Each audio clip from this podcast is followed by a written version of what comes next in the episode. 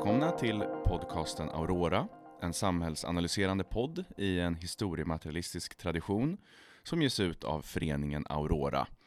Dagens avsnitt är en del av vår eh, podd och artikelserie om klassstrukturen i Sverige idag. Och eh, den här delen ska behandla arbetarklassen. Vi som pratar idag är jag som heter Viktor Johansson och sen upphovsmannen till artikelserien sitter mitt emot mig här och heter Anders William Berg. God förmiddag Anders. God förmiddag. Kul att vara här igen.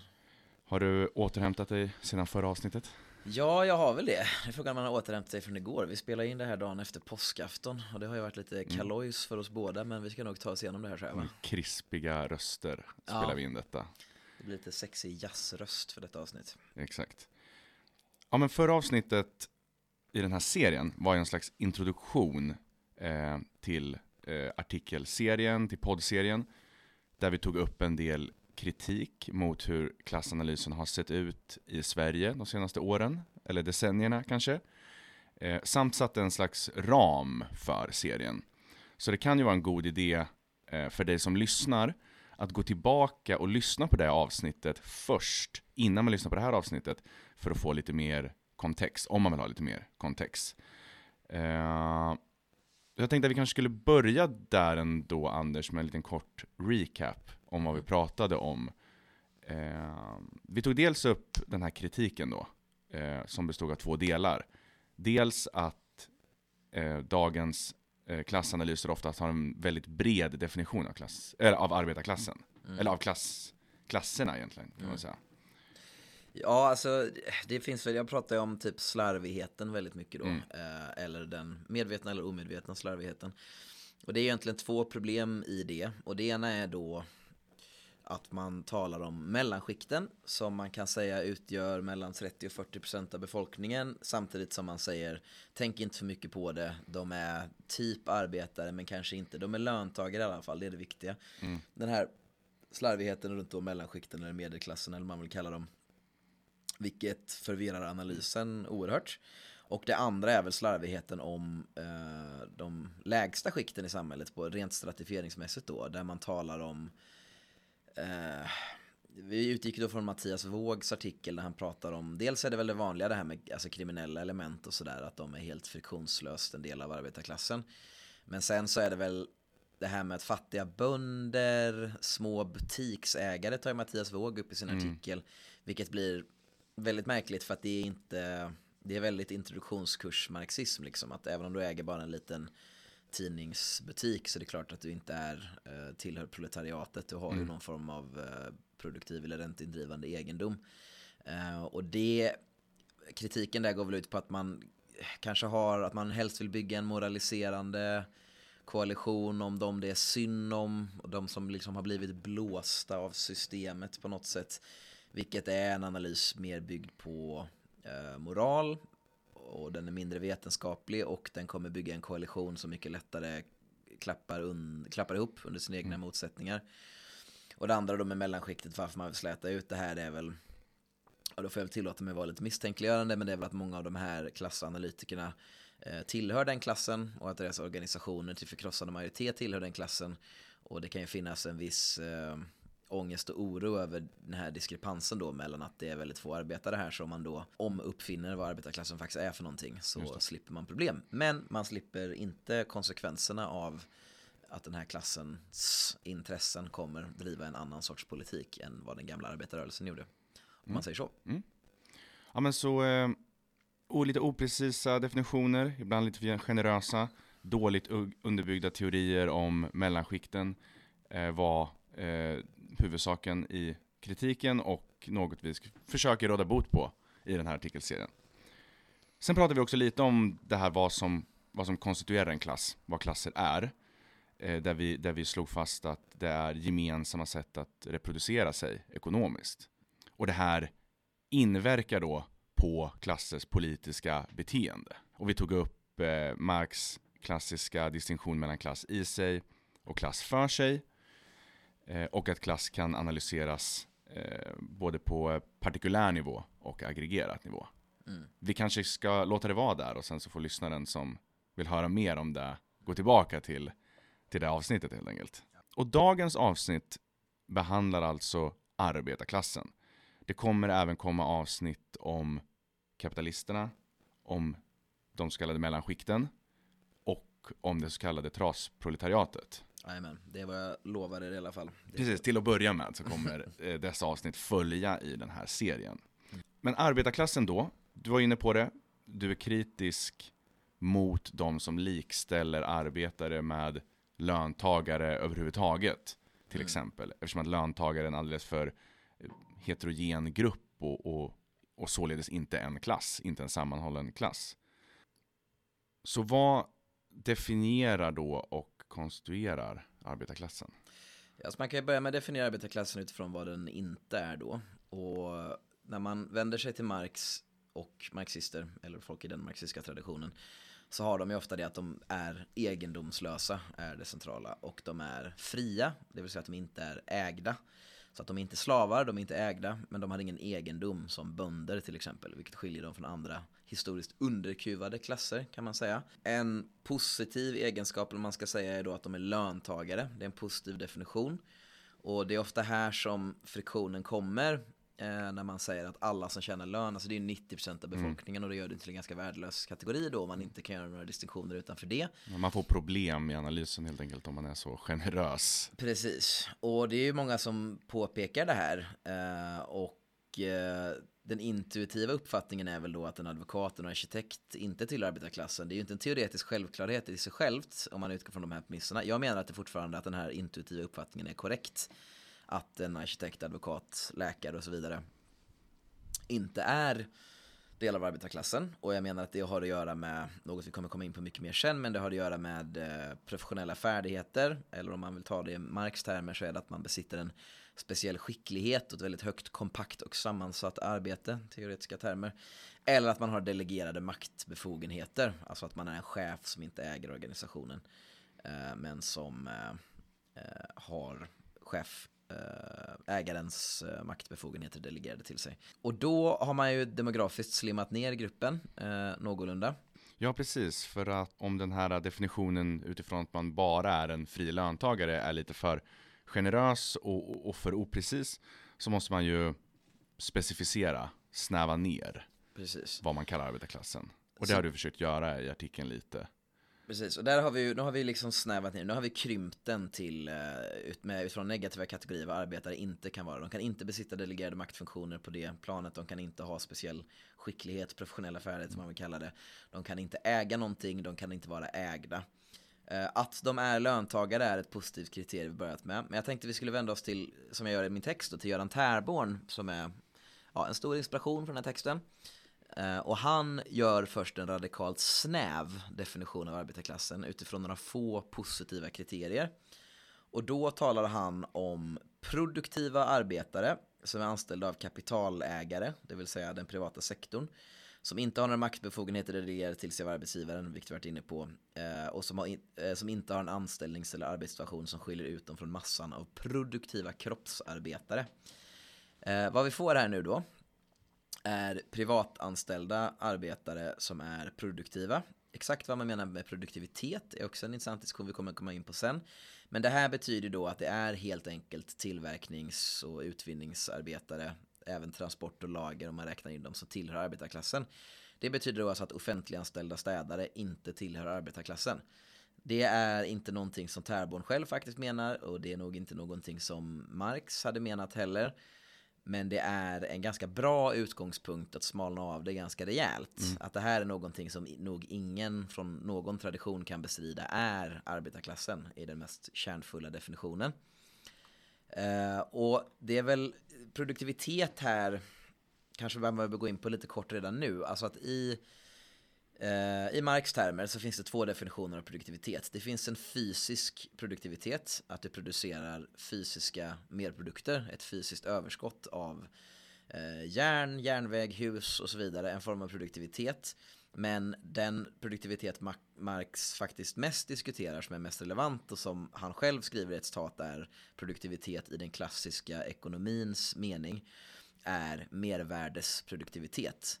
Alltså att du är produktiv i bemärkelsen att ditt arbete skapar ett värde som kan säljas och realiseras till en profit som är större än när man gick in med insatsvarorna då och där du har producerat ja, och du är som också då blir exploaterat att det har tagits mervärde från arbetaren. Och då är ju exempelvis en turistguide vars enda mervärdesproduktion är då en tjänst eller en upplevelse, en förklaring. Men som också då är sån här mer stratifieringsmärkelse kan ha, ha en lön som är på samma eller sämre nivå än en industriarbetare eller de kan ha osäkra arbetsförhållanden och allt sånt där. Att det kan vara synd om dem. Men viktigare än det, de kan definitivt producera mervärde för ett privat mm. turistbolag eh, i form av en tjänst som inte har en fysisk form. Men vad Tärbol menar med produktiva sfären, produktiva arbetare, det är alltså fysisk produktivitet mm. Helt enkelt. Eller materiell, eller vad man vill kalla det.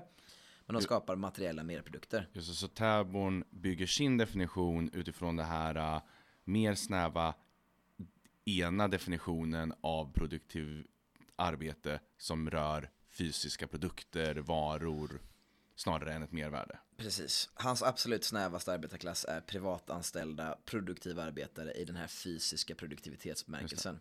Men han är öppen för att det här är en snäv definition med mening. Mm. Och han pratar då om fyra sfärer för arbetarklassen. Något som jag senare kallar för fraktioner. Jag kommer förklara lite varför jag vill byta ut det ordet sen. Mm. Men eh, det är fyra sfärer då. Det är produktion som vi redan behandlat. Och Terborns egna definitioner är alltså, det definieras av behandlingen av produkter, deras uppfinnande, konstruerande, tillverkning, lagring och transporterande samt ledningen och kontrollen av dessa arbeten, det vill säga allt som direkt bidrar till kapitalets omslag. Och han inkluderar också jordbruket i den här sfären. Eh, för att produktiv i en slags fysisk märkelse är det ju, han skriver själv att den har speciella historiska betingelser som gör att, som kanske borde diskuteras, men för det här syftet så passar den väl i produktionssfären, vilket kan vara värt att tänka på.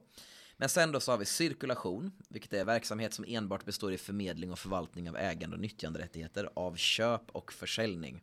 Alltså försälj köp och försäljning av varor.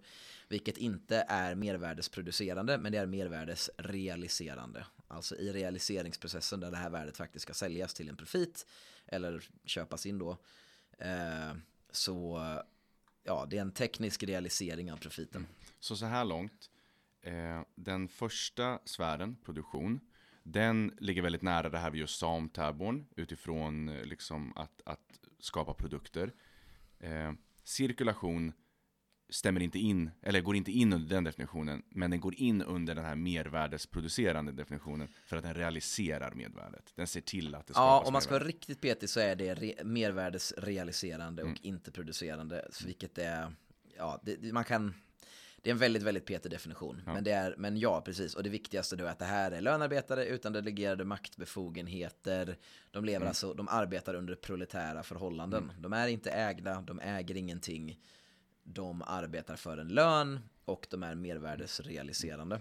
Men de, vad ska man säga, de får inte vara med i Terborns snäva definition Precis. egentligen i hans analys. Men Nej. man kan utvidga definitionen. Det finns ju intressanta citat från det här Marx där han argumenterar uh, lite han talar ju om uh, the produktionsprocessens fa frä, alltså mm. faux frais, franska. Mm. Det gör mm processen billigare för kapitalisten. Mm. Att han kan lägga det här på andra, att det är ert jobb att göra min funktion av att realisera det här. Det. Uh, vilket gör det inte mera produktivt för honom, men det gör det billigare för honom. Mm. Det är ett avdrag i kostnad, vilket då såklart ökar den faktiskt realiserade profiten.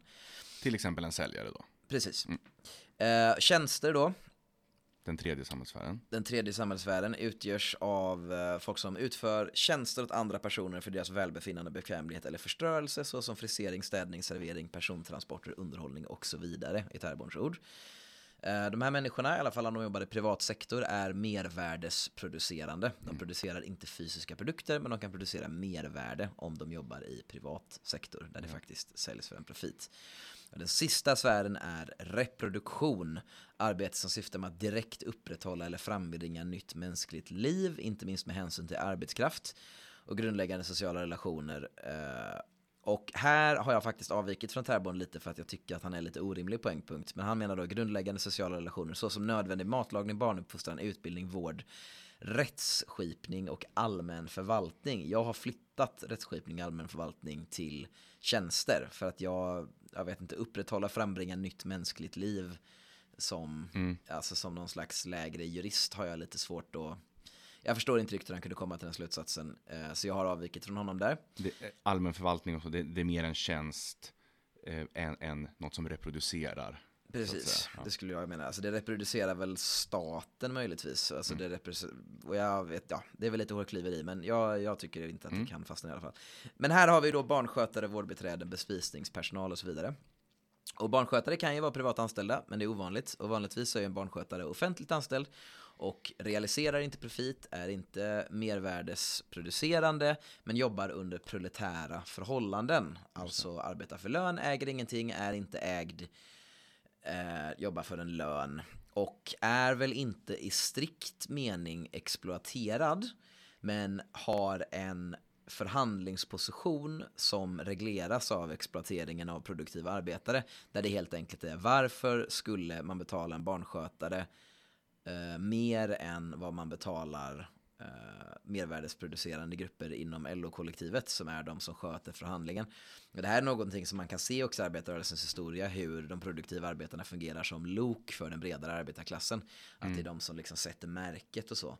Mm. Uh, och det enda sättet man egentligen kan göras oberoende av dem är väl ja, genom mer radikalt liksom, politiskt strejkagerande nästan då och genom professionalisering av yrkena. Mm. Alltså där man kan göra sina färdigheter mer knappa och organisera sig mer skråmässigt. Och det här är väl de fyra eh, sfärerna, eller fraktionerna då. Men kan man, kan man säga då att bara ha med den här produktiva sfären är den snävaste definitionen av arbetarklassen och sen så kan den definitionen breddas med alla de övriga tre sfärerna? Precis. Lite grovhugget. Och jag tycker väl att det är legitimt att inkludera alla de här grupperna. Som tillsammans då av den förvärvsarbetande befolkningen, i alla fall 2019, och det här är baserat på SCBs e yrkesregister, utgör 49 49,6 av den förvärvsarbetande befolkningen, så nästan exakt hälften. Om alla de här fyra sfärerna är inkluderade i definitionen så Precis. utgör det alltså nästan 50 procent. Precis, om alla de inkluderas. Och det är ju då exkluderar vi någonting som kallas då de svaga professionerna, vilket i princip är, alltså det är yrken som mitt eget, det är förskollärare, det är sjuksyrror och det är yrken som väldigt vanligtvis, eh, i alla fall i vänstersammanhang, brukar säga det är självklart att de är arbetare. Det är inte nödvändigtvis att jag inte håller med om det. Det är snarare att när man är eh, marxist då, eh, eller intresserad av sånt här, så är ju såklart det tendensiösa är att man vill blåsa upp arbetarklassen, göra den väldigt stor för att göra något slags majoritärt argument då om dess rätt och då tycker jag att det bara är rimligt att ha en mindre generös definition här där man exkluderar grupper som är i gränslandet till de här professionsyrkena. Mm. Men om de skulle inkluderas så skulle arbetarklassen bli då skulle den bli ungefär 56% av den förvärvsarbetande befolkningen, 56 eller 57 tror jag. Och även där så kan man ju diskutera då vissa småborgerliga grupper, eh, om man är självanställd, mm. är man egentligen, man kan hålla på att vidga arbetarklassen lite hur man vill och sen tala om närstående grupper till arbetarklassen och så vidare. Mm. Men om vi ska ha en rimligt avgränsad, obestridlig del av arbetarklassen, tycker jag att arbetarklassen i bred märkelse är de här 49,6 procenten. I den snävaste bemärkelsen så är det privatanställda produktiva arbetare. Och mm. fraktionsarbetarna utgör 14,6% av den förvärvsarbetande befolkningen, cirkulationsarbetarna 4,7%, tjänstearbetarna 14% och reproduktionsarbetarna då som största fraktion 16,3%. Och det är säkert ganska specifikt för mm. Sverige med en väldigt stor offentlig sektor. Det. Eh, så det är ju intressant. Och eh, det kanske vi ska vara tydliga med, det är då 50% av den förvärvsarbetade befolkningen, Precis. inte av hela befolkningen. För det Nej. finns ju studenter och barn och pensionärer och så vidare som Precis. är utanför. Eh, som faller ur detta. Men Precis. det finns väl ett antagande då om att, ja det är väl en myt om att social mobilitet skulle vara så hög, så ett rimligt antagande är ju att produktionsarbetares barn faktiskt kommer träda in i, ja klart de behöver inte träda mm. in i specifikt produktionsarbetarklassen, men åtminstone i arbetarklassen. Så äh, även gamla och ja, klassposition brukar ärvas. Okej, och sista då innan vi går vidare från arbetarklassens definition så har ju du en tre, eh, tredelad indelning. Eh, arbetarklassen i snäv, allmän och bred bemärkelse. Varför har du skrivit ut det så? Ja, alltså Terborn gör ju en tvådelad uppdelning i arbetarklassen i snäv och bred bemärkelse och där han definierar det här utifrån produktivitet. Men hans produktivitetsbegrepp som han använder i alla fall de här inledande kapitlen syftar ju på fysisk produktivitet. Och det blir då lite missvisande att det blir en slags produktiv improduktiv uppdelning eftersom att eh, de cirkulations som väl, ja, det är det här realiserar eller mm. eh, ska, mervärdesproducerar. Men, men de tillsammans med de mervärdeproducerande tjänstearbetarna är ju faktiskt produktiva mm. enligt klassiska marxistiska definitioner. Och även om jag tycker att det är rimligt att göra den här distinktionen för fysisk produktion så blir det liksom, det blir en det blir en till nivå. Så att jag, jag har skrivit det som arbetarklassen i snäv märkelse. Som utgörs av produktionsarbetare som är mervärdesproducerande och fysiskt mm. eh, merprodukt, merproduktiva. Liksom. Eh, och då arbetarklassen i allmän bemärkelse som utgörs av produktionscirkulations och privatanställda tjänstearbetare som producerar eller realiserar mervärde och eller materiell produkt och arbetar under proletära förhållanden.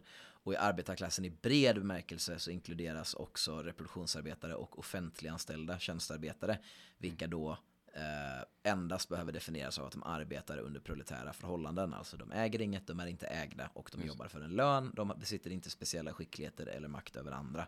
Och där i den breda bemärkelsen så försvinner produktivitetsbegreppet överhuvudtaget. Just det. Så tre olika definitioner utifrån lite olika premisser. Mm. Och då kan man se i en graf som du har med i din artikel att eh, det går då från, i den snäva definitionen, 14,6 procent av alla förvärvsarbetare 34,7 i den allmänna definitionen och dina 49,6 i den breda bemärkelsen. Precis. Då hoppas jag att fått någon form av tydlighet i produktivitetsbegreppet då. Ja. Sen så skriver jag ju lite här då också om eh, vilka eh, sektorer de jobbar i, alltså offentlig eller privat och så. Vi behöver inte gå in på detalj i det, men det, folk blir väl inte förvånade om eh, det blir tydligt att eh, de reproduktionsarbetarna är förkrossande dominanta i den offentliga sektorn eh, och vi har sen en liten tjänstearbetarklass och vi har en cirkulations och produktionsarbetarklass inom den offentliga sektorn som är så liten så att den inte ens syns. Mm. Den ger inte utslag i datan. Och i den privata sektorn är produktionsarbetarna störst men väldigt tätt följda av tjänstearbetarna. Och totalt så är det en ganska jämn fördelning omkring 15% på alla fraktioner förutom cirkulationsarbetarna mm. som alltid har varit minst på 4,7% alltså försäljnings och inköpspersonal. Just det. Då har vi definierat eh, vad som konstituerar arbetarklassen i lite olika definitioner kommit fram till att där vi framförallt kommer använda oss av den breda definitionen som är 49,6 procent. Eh, men omkring där, omkring 50 procent av den förvärvsarbetande befolkningen. Då kan det för det första, tänker jag, innan vi går vidare, vara spännande att höra vad är det för data du har använt? För att det här är ju siffror du måste hämta ut ur empiri och statistik så att säga för att komma fram till den här siffran. Eh, dels har jag använt mig av, alltså jag har använt mig av öppna eh, register från SCB e men jag har också beställt vad de själva kallar då för skräddarsydd data. Och det öppna registret så är det huvudsakligen eh, yrkesregistret jag använt mig. Och det är, när inget annat sägs så är det alltid 2019 som gäller. Det är det året jag mäter. Mm. Och det är då yrkesregistret utifrån SSYK som är svenskt system för yrkesklassificering tror jag det stå, står för. Vilket är baserat på ett internationellt system som heter oh, ISC 08 tror jag. Eller ISO 08. Jo, ISO, International System of Occupations. Mm. Ett system för yrkesindelning. Precis. Det är många kategorier där som ligger ganska nära marxistiska klasskategorier. Man har behövt sortera lite i dem för att göra det mer eh, ja, för att göra det närmare till hands. Men jag har också beställt data från SCB e och det har särskilt då att göra med data för uh, de här grupperna på ett geografiskt plan. Och, som vi kommer komma in på. Precis, och det datasättet avviker lite grann från, det är mm. större felmarginal där. Mm. Det avviker lite grann men man får fortfarande jämförbara, alltså i totalen då så får man fortfarande jämförbara siffror så det är ganska träffande. Mm. Men det kan vara värt att säga. Och utöver det då vad gäller företagare så är det det som används är företagsdatabasen och jag tror ett annat register som jag inte riktigt minns just nu men det kommer vi komma tillbaka till när vi kommer till det kapitlet som behandlar småborgerligheten. Så baserat på yrke, hur många individer som har olika yrken i Sverige insorterat enligt den här definitionen då mm. får man fram de här siffrorna på hur många som eh, tillhör arbetarklassen. Precis, och jag har ju då delat upp de här horisontellt och vertikalt. Och horisontellt menar jag då alltså skillnader inom arbetarklassen som inte har att göra med status utan som har att göra med olika sektorer av ekonomin och olika yrkesuppgifter. Och Terborn använder ju termen samhällsekonomiska sfärer. Jag tycker dels att det är en väldigt otymplig term och mm. jag tycker också att det är en liten onödig innovation eh, för att diskutera vad som i princip är yrkesroll och branschtillhörighet. För att det finns ett begrepp hos Marx som Marx själv använder som är fraktion och mm. klassfraktion. Och när Marx använder det så är det ju det han huvudsakligen diskuterar är branscher men också politiska positioneringar. Jag talar inte om politiska positioneringar här utan jag tar fasta på det här. Han använder det främst när han diskuterar kapitalistklassen då mm. och då den vanliga distinktionen eh, jordbruk, finans, industri. Eh, och jag väljer att definiera det som eh, produktion, tjänster, reproduktion och Cirkla. cirkulation även när vi diskuterar kapitalistklassen sen använder jag samma fyra kategorier. Då syftar det inte alls på yrkesuppgifter ska jag vara tydligt då, då utan då är det helt och hållet en branschkategorisering. Mm. Och det menar jag eh, horisontellt då, det skiljer dem i, eh, i, i branscher och sektorer och så vidare, men inte i status, men däremot så diskuterar vi skikt, är då termen. Och det är en diskussion av klasserna, i det här fallet arbetarklassen, utifrån eh, skillnader i lönenivå, hierarki, självständighet i arbetet eh, och man har förmannaroller, kontroll över andras arbete och så vidare. Alltså en hierarkisk eh, mm. eh, statuskategorisering. Just det. Om vi börjar då med fraktionerna, alltså den horisontella indelningen eller uppdelningen eh, inom klassen. Vad, varför är det bra? Eller vad kan vi hitta om vi gör denna uppdelning? Liksom? Ja, alltså den direkta tolkningen hade varit att det är just yrkesuppgifterna som gör klasserna, klassfraktionerna olika. Vilket väl är, alltså det är ju mm. intressant att tänka på om det är fysiskt kroppsarbete, gör ju någonting med människor som inte kontorsarbete gör och det kan ju uppstå en viss arbetskultur och sådär. Den viktigaste funktionen menar jag dock är väl kanske inte det, utan det är att se, det här är eh, yrkesuppgifter som behövs för vissa typer av eh, ja, av kapitalets verksamhet helt enkelt. Och det blir då ett sätt för, ja, alltså de här olika fraktionerna förenas i att de kan ha gemensamma klassintressen. Men inom det här paraplyet av klassintressen så kan det finnas eh, konfliktfyllda fraktionsintressen. Det kan finnas ett mm. intresse hos produktionsarbetare av protektionism av svenska industrier och det kan finnas ett mindre intresse av det hos just cirkulationsarbetare i storstäderna som skulle kunna gynnas av frihandel. Det kan finnas ett intresse eh, hos reproduktionsarbetare om en hög skattebas och en generös offentlig sektor vilket kan få dem att alliera sig med eh, högre professioner inom den offentliga sektorn, till och med chefer orienteras mot myndigheterna medan den övriga arbetarklassen kanske kan ha ett mer allmänt agg då som rena konsumenter av eh, den offentliga sektorns produkter. Och att det kan finnas ett agg mot skatter eh, på ett sätt som det kanske inte finns några exempel. Mm. Alltså hur de här fraktionskonflikterna kan så split i, klass, eh, ja, i klasslojaliteten. Kan man, så man kan säga, kan man säga lite mer, alltså kortsiktigt kan det inom klassen finnas de här motstridigheterna och motstridiga intressen mellan olika fraktioner. Men på ett lite längre eller och aggregerad plan mm. så är det ändå så att arbetarklassen har vissa specifika intressen som hel klass. Ja, och alltså du kan ha två intressen som går åt helt motsatta håll och det betyder inte att det är en logisk motsättning i bemärkelsen att de båda kan existera. Alltså du kan ha en kortsiktigt intresse av ja, det blir också väldigt vanskligt när man ska säga vad som är arbetarklassens objektiva historiska mm. intressen utan att det blir väldigt värderande. Men eh, Självklart så är det så att arbetarklassen förenas av att inte få sitt arbete exploaterat exempelvis. Ja. Det är uppenbart någonting som förenar dem allihop. Men, och jag menar det är ju intressant det här med många, alltså kanske typ hantverkare i privat sektor och sådär. Att det finns ju ingenting som, det är klart att de kanske skulle, de är ju bara konsumenter av välfärd. Och det kanske är klart att de vill ha en effektiv välfärd. Men det finns ju ofta ett vänsterantagande till exempel att det ligger i deras direkta klassintresse att ha en ja, generös offentligt finansierad välfärd. Vilket det kanske inte alls behöver göra, för att det har inte med, till skillnad från undersköterskor så har inte det här att göra med deras arbetsmiljö, deras lön, utan det här har helt enkelt att göra med någonting i den, deras rena konsumtion och inte i deras produktion och i deras liksom klasstillvaro på det sättet. Och det är klart att det mycket mer skulle kunna ligga i deras intressen med om du är en arbetare som bor i en ort där man vet att det kommer komma många privata aktörer som kommer vara effektiva men som kanske slänger resten av arbetarklassen i andra orter under bussen. Det, du kan inte säga att det liksom inte ligger i deras intresse.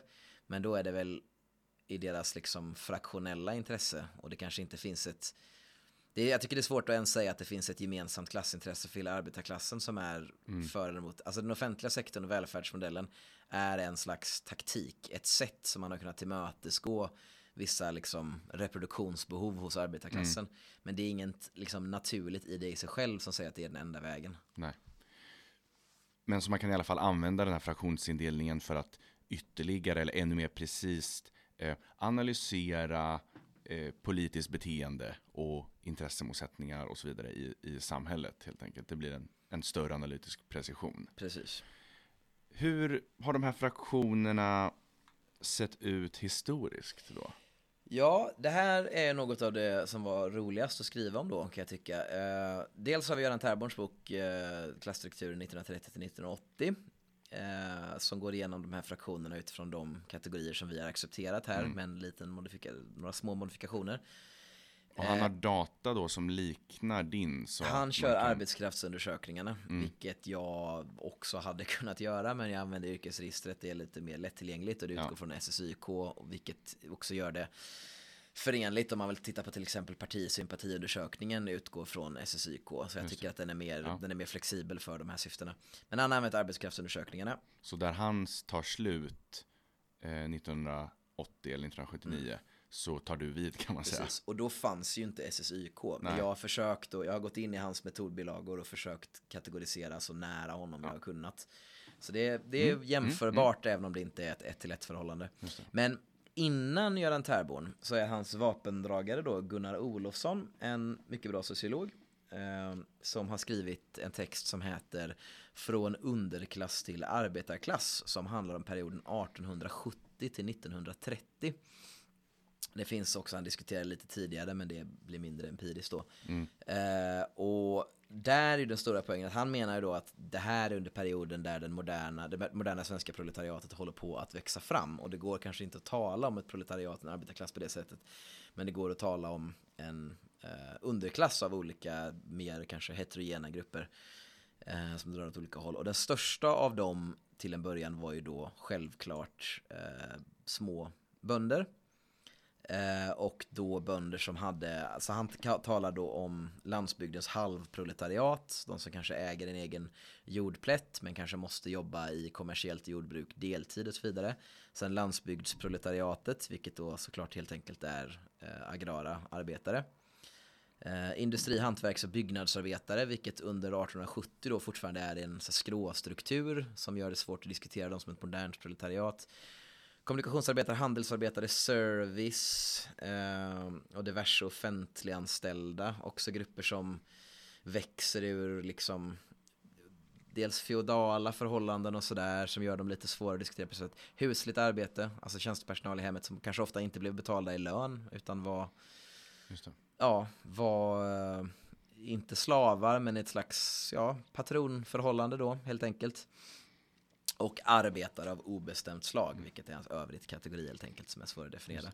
Och det man kan se i, i din graf här är ju att sådana yrken då eh, som vi eh, förknippar med moderna kapitalismen, industri, eh, kommunikation, eh, handel, de går uppåt från 1870 och framåt. Och Precis. landsbygdens proletariat och halvproletariat går ner.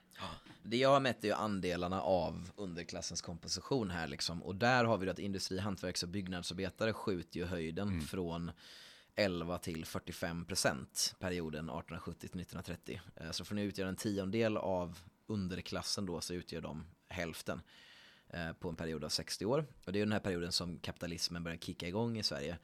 Och landsbygdsproletariatet sjunker från 35 till 21 procent, fortfarande stor men eh, landsbygdens halvproletariat då. Eh, de störtdyker från 30 till 7 procent. Och det här är ju då verkligen primitiv ackumulation där det helt enkelt är eh, bönder vars sista jordplättar tas ifrån dem och de blir sant egendomslösa och måste vandra in till städerna och ansluta sig till det urbana proletariatet. Och vi har de här tendenserna, men även de här tjänstegrupperna, kommunikationsarbetare, handelsservice, diverse offentliganställda växer avsevärt. Och arbetare av obestämt slag sjunker från 11 till 1 procent och det är mm. väl mer en konsekvens av att eh, folkbokföringen blir mycket bättre under den här perioden. Mm.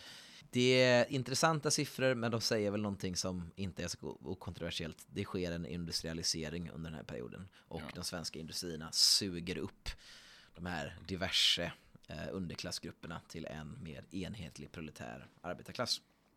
Och sen då från 1930 och framåt, då är det mer legitimt att diskutera Terborns egna kategorier. Och jag har gjort ett litet linjediagram här som jag försöker förtydliga att ta detta med en nypa salt. För att det här är att från övergången 1980 till 2005 då, så är det att vi går över från eh, hans eh, Terborns databehandling till min.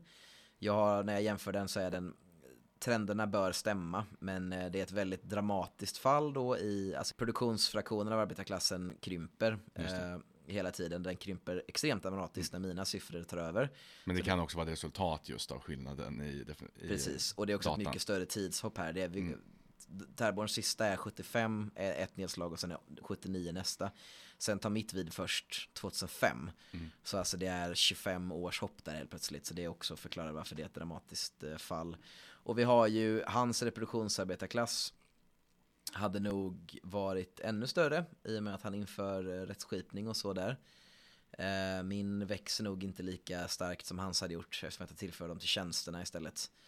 Eh, och så vidare och så vidare. Men mm. där kan vi se då hur produktionsarbetarklassen går från att vara 1930 vara 68,9% till att 2019 utgöra 29,43. Cirkulationsarbetarna 4 till 9,47. Tjänstearbetarna 13 till 28 eh, reproduktionsarbetarna 14 till 32 där alltså då reproduktionsarbetarna är den största andelen av den svenska arbetarklassen vilket nog är ganska unikt, inte unikt men ganska mm.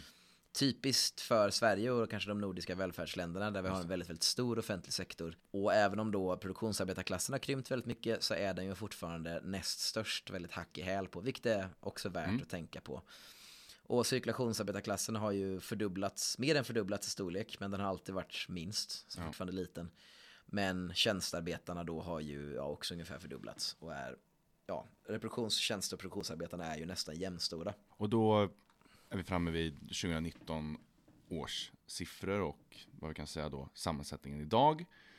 Och det du gjort sen är att du har tittat på sammansättningen mellan de här olika fraktionerna, hur det ser ut på olika geografiska eh, platser i Precis. Sverige. Och det är här min beställda data kommer in då som jag har fått beställa från SCB. Och det här är uppdelat på SCBs kommungruppsindelning. Eh, från 2017 är den gjord. Det är uppdelat i ett storstäder då, vilket definieras som kommuner med minst 200 000 invånare. Och nyligen så anslöt ju sig Uppsala till den här gruppen. Men eh, länge har det bara varit Stockholm, Göteborg, Malmö då. Och sen då så har vi pendlingskommuner nära storstad det är min egen hemkommun, Lilla Edet bland annat. Som, eh, de hade förut en bruksortskommunggruppsindelning då, men i och med att bruksorterna har börjat dö ut i princip så har ju de här orterna mer och mer blivit pendlingskommuner. Så många av bruksorterna faller ner där. Men vi har Lilla Edet, men vi har också Trelleborg, Danderyd. Och det är ju intressant då att både Lilla Edet Represent med all sin eh, drogproblematik och arbetslöshet hamnar i samma grupp som mm. Danderyd. Mm. Mm. Så den här kategorin är ju lite lustig så sett. Men tre då större städer eh, utgörs av, 2017 i alla fall utgjordes den av 21 stycken kommuntyper. Och då var det Uppsala som nu har gått upp till storstäderna.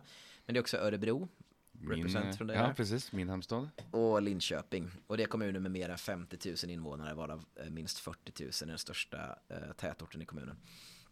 Fyra pendlingskommuner nära större stad. Alltså det definieras av att det är utpendling helt enkelt till större kommuner. Vi har Tierp där till exempel som är en utpendlingsort till Uppsala. Eh, det är samma sak som ja. i relation till de större städerna. Och även Tierp är en sån här gammal brukskommun. De är Brunnslock mm. är de ju kända för. Men den definitionen. Man pendlar från de här kommunerna fast in till en större stad, inte Precis. till storstaden. Ja, även Mjölby finner vi här. Eh, härlig kommun. Eh, lågpendlingskommuner nära större stad, det är lite samma sak, men där de flesta är huvudsatt sysselsatta i kommunen själv då. Mm. Det är 35 grupper där, det är Sala, Uddevalla, Lindisberg, har vi där. Eh, och så mindre städer och tätorter, då kommer vi ner på Kalmar, Piteå, Ystad. Eh, som ändå har någon form av, ofta då någon industri organiserad runt sig och folk faktiskt jobbar där och så. Och sen kommer vi ner till ja, deras pendlingskommuner då i sjunde gruppen. Där har vi Norbergs, eh, Sölvesborg, Emmaboda. Och till sist då har vi landsbygdskommuner, vilket är Arvika, Filipstad, Överkalix, eh, mindre kommuner med ett svagt pendlingsmönster och avståndet till en större tätort är längre. Det är 40 kommuner i denna grupp och landsbygdskommun med besöksnäring, eh, ganska få, det är bara 15 eh, kommuner i denna kommungrupp. Och det är, ja, där det som präglas av en besöksnäring mätt som antal hotellövernattningar per invånare och omsättning i detaljhandel, omsättning i restaurang och hotell. Och det är Strömstad, Härjedalen, Arjeplog. Eh, det är semesterorter helt enkelt. Just. Och som man hör på namnet då så är det här alltså grupperingar av kommuner utifrån olika kriterier. Mhm. Och utifrån detta har du då kollat hur ser sammansättningen av arbetarklassens olika fraktioner ut beroende Precis. på respektive kommungrupp. Ja, och det som är intressant att titta på är då från storstäder ner till landsbygdskommun med besöksnäring. För om man tar till exempel då pendlingskommun nära storstad, alltså Lilla Edet har ju en väldigt annorlunda klasskaraktär än vad Danderyd har. Mm. Men nattbefolkningen, alltså de som sover i kommunen, deras, eh, ja det borde ändå jämna ut sig självt hur deras yrken definieras av klassstrukturen i storstäderna. Eh, Och vi ser det också att eh, ja, i storstäderna då så är eh, produktionsarbetarklassen minst. Eh, De utgör 7,7% av den förvärvsarbetande befolkningen då, alltså inte av sin egen klass utan av den förvärvsarbetande befolkningen. Medan tjänstearbetarna är störst då på 14%. Och vi ser hur det de här pendlingskommunerna nära storstad är snarlikt. Så att det, ja, pendlingskommunerna följer dit de pendlar, deras klassstruktur så att säga. Men där det är radikalast skillnad då är ju då i landsbygdskommunerna till exempel så utgör eh, produktionsarbetarklassen 24,8% av den förvärvsarbetande befolkningen. Det är alltså, ja det är nästan fyra gånger så stort. Mm. Eh, medans eh, ja, tjänstearbetarklassen är ganska jämn. Eh, den är 11% istället för 14%. Cirkulationsarbetarklassen är jämn i alla. Den är mellan eh, 7, 6 och 8 i alla kommuner. Ja, 10 faktiskt i med, med besöksnäring och det är väl inte så konstigt. Eh, och reproduktionsarbetarklassen är jämn. Den är minst andel i storstäderna faktiskt. Men eh, den är också ganska jämn. Men det intressantaste av allt är väl kanske att arbetarklassen som helhet är mycket större som en andel av befolkningen i mindre och mindre kommungrupper. Den är som absolut störst i landsbygdskommuner. Näst störst i pendlingskommuner nära mindre stad eller tätort. Det är svårt i Sverige idag att tala om en konflikt mellan stad och landsbygd. För det är inte som att vi har någon slags ja, faktisk eh, bondelandsbygd i den bemärkelsen. Men däremot ja, metropol, periferi, om vi kan säga något sånt. Den, den distinktionen, den konflikten är definitivt levande i Sverige. Och även, det kommer man se senare, att storstäderna är den enda kommungrupp där arbetarklassen faktiskt inte utgör en egen majoritet av befolkningen. Nej, precis, för i storstäderna så når inte arbetarklassen totalt i den här bredaste bemärkelsen Nej. upp i 50%. Och av där är professionsgrupperna väldigt stora. Ja. Eh, och även de svaga professionerna är stora. Så där kan man ju mena då att, oh, okej, men om alla Sahlgrenskas sjuksyrror räknas som arbetare då? Jo, för all del, då blir det mycket större. Men det i sig är också ganska intressant. Att då är det den offentliga anställda, universitetsutbildade arbetarklassen som är det stora liksom. Det. Och som kan ha andra intressen då än eh, Ja, kan ha andra tendenser till andra allianser och så i alla Ja. fall. Men då har vi gått igenom den här horisontella uppdelningen inom arbetarklassen mellan, eh, som du har kallat då, fraktioner. Mhm. Och går vidare då till den vertikala indelningen som du kallar, eller som och Marx kallar för skikt. Mhm. Och jag ställer väl samma fråga som jag gjorde tidigare då. Vad hjälper liksom skiktindelningen oss att få syn på? Ja, jag tänkte mycket på det här när jag skrev det här. Jag tycker att det här är väldigt kul att sitta och pilla med små, små siffror. Och man ställer ju sig själv lätt frågan, vad är funktionen med det här? Är det bara liksom för siffernissens personliga nöje? Att det är roligt att sitta och glo på det här? Eh, eller kan det visa på någonting? Och vanligtvis när man mäter sånt här så är det för att man har någon, något rättviseperspektiv. Att man vill visa på hur särskilt utsatta de här grupperna är och, och hur privilegierade vissa andra grupper är. Mm. Vilket inte är ointressant, men det är väl inte riktigt vad the stated aim, eller som jag menar i alla fall, the stated aim av marxism är för någonting. Det vill säga att identifiera intressen och kunna utifrån det förutse beteenden. Vad jag menar då, vad gäller stratifieringstermer, man kan ändå förutse identifiera intressen och förutse beteenden på ett visst sätt i den mm. enkla bemärkelsen att det finns vissa skikt av arbetarklassen som har mycket lättare att leva på eh, levnadsstandard med så här, konsumtionsmönster, boendemöjligheter på samma sätt som andra klasser. Mm. Och det finns arbetare som kan ha makt över andras arbete, som kan därigenom kanske identifiera sig mer med firman och som kan känna ett visst ansvar för organisationens eh, uppgifter och så vidare. Där de här stratifieringstermerna behöver inte bara vara ett ja, ömkligt eh, medlidande över de som har det så svårt mm. eller ett moraliserande över de som åker till Thailand och, eh, för sin feta hantverkarlön. Det finns ofta den här väldigt moraliserande aspekten av det. Det behöver inte handla om det, utan det kan helt nice. enkelt handla om hur skikt mer påverkar habitus i någon slags mm. bemärkelse och hur det kan påverka, skapa vissa klasskulturer och så vidare. Ja. Och i eh, artikeln då, så har du kanske inte, till skillnad från den horisontella uppdelningen eller fraktionsuppdelningen, du har inte gjort någon uttömmande uppdelning här, utan du har snarare, eh, du lyfter upp och diskuterar, kan man säga toppskiktet och bottenskiktet egentligen. Mm. Eh, toppskiktet då som du kallar arbetararistokratin och bottenskiktet som eh, du med Guy Standings begrepp kallar för prekariatet. Ja, precis. Och det är väl inte för att jag tycker att de är 100% eh, exakta kategorier, men de är väldigt intressanta att diskutera utifrån. Dels för att arbetararistokratin har haft en extremt stor betydelse i den marxistiska traditionen, särskilt i den kommunistiska, där man har försökt förklara väldigt, väldigt mycket politiskt beteende utifrån då arbetararistokratin som en sociologisk bas för revisionismen eller för, då för socialdemokratin som man inom kommunismen karaktäriserar som förrädare mm. mot mot socialismen och så vidare.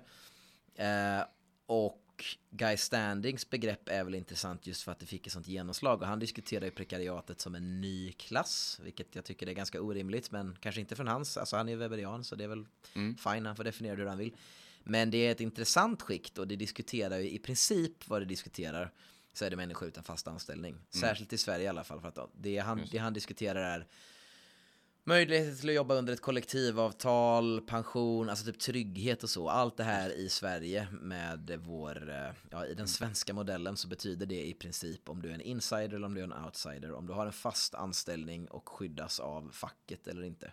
Och där har vi då många ungdomar, eh, invandrare, nyanlända och även andra generations eh, och sådana sorters grupper som då, och det går ju också in lite det här med ja, om man blir väldigt bred här nu, men det finns ju en fascination då ja, nu pratar vi om vänstern här igen, men inom en slags vänsterdiskussion om här, de mest marginaliserade, de som är mest, minst sedda, de är också mest revolutionära och så vidare. Och vilket ofta sätts i kontrast till den här arbetararistokratin då som mm. eh, uppgödd och, eller uppgödd, övergödd och bekväm. Och nöjd. Precis. Ja. Och det har ju ofta en framtoning av att det finns en vetenskaplighet och en sociologisk. Jag tycker väl ofta att det är ett ganska ja, tunn fernissa av att vara det, men det egentligen är en rent moraliserande analys. Uh, och jag tyckte väl att det kanske därför kunde vara lite intressant på att sätta de här två som poler mot varandra mm. och titta på uh, allt däremellan också och, och se, diskutera lite kort historiskt också. Ja, men då tänker jag att vi börjar med arbetar aristokratin. Och det är ju det är ett begrepp som, som används genom historien. Så, så eh, vilka är då arbetararistokratin? Ja, det är väl det mest omtalade skiktet inom marxistisk tradition är väl rättvist att säga, vilket gör det lite intressant att diskutera. Och det är ju en term som, ja, det syftar ju uppenbarligen på ett övre skikt inom arbetarklassen, därav aristokratin, alltså adel. Eh, och det är ju lite ironiskt menat, motsägelsefullt, adel och knegare liksom. Men det har en innebörd som är mer specifik än bara en ren, en mer allmän skiktningsnivå. Och det finns egentligen två definitioner kan man mena som är de dominerande och som där den andra växer ur den första men gör mer vågade antaganden än den första. Eh, de definitioner jag pratar om är Friedrich Engels definition och Vladimir Lenins definition där den sistnämnda är den som gav eh, termen en väldigt stor politisk sprängkraft och eh, gjorde den väldigt ja, populär i dessa kretsar. För att för Lenin så kom det här betyda den sociologiska basen för vad han då kallar revisionism som enkelt kan sammanfattas som ett anammande av Edward Bernsteins evolutionära syn på vägen till socialism till skillnad från Lenin och bolsjevikernas revolutionära syn och eh, en annan viktig komponent av revisionismen då är ju stöd till en imperialistisk världsordning där det mest konkreta uttrycket för det var den tyska arbetarklassen som, eller SPD, Socialdemokratiska arbetarpartiet Tyskland, som röstade för krigskrediterna vid första världskrigets utbrott. Och det här har ju blivit en så här ja, founding myth av kommunismen väldigt mycket och har fått väldigt stor betydelse därför. Och jag har ju i första hand förlitat mig på Gunnar Olofsson som är en eh, ja, orättvist okänd eh, sociolog, extremt bra Gunnar Olofsson som har skrivit en eh, bok som heter Arbetararistokratin, en begreppsarkeologi där han går till botten med hur det här begreppet har använts och vad som är en vetenskapligt eh, acceptabel definition av det.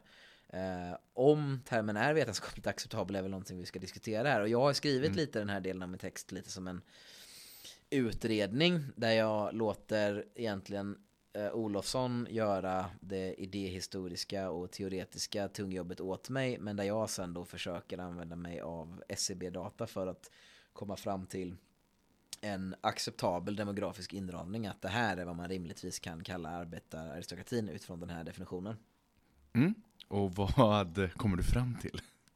Ja, alltså man kan ju börja då hos uh, den här uppdelningen då, att vad är det Engels egentligen menar mm. när han skriver om arbetararistokratin? Han, det är väldigt mycket från hans bok Den arbetande klassens läge i England som han använder begreppet.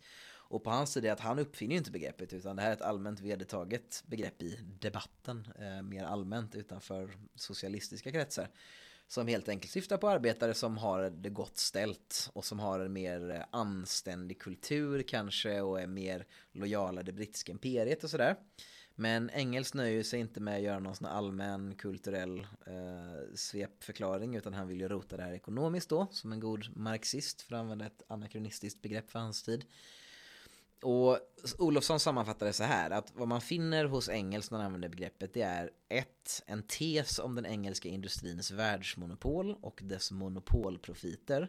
Två, att den engelska arbetarklassen på grund av dessa monopolprofiter blir mera skyddad för kriserna och att den därigenom blir mera öppen för olika former av borgerlig ideologi. Tre, att den engelska arbetarklassen är skiktad huvudsakligen i yrkeskunniga och grovarbetare. Fyra, att den traditionella borgerliga ideologin, respektabiliteten, är mest förankrad hos de yrkeskunniga arbetarna. Och fem, att etnisk klyvnad av arbetarklassen kan få likartade politiska konsekvenser som skiktningen yrkeskunniga grovarbetare.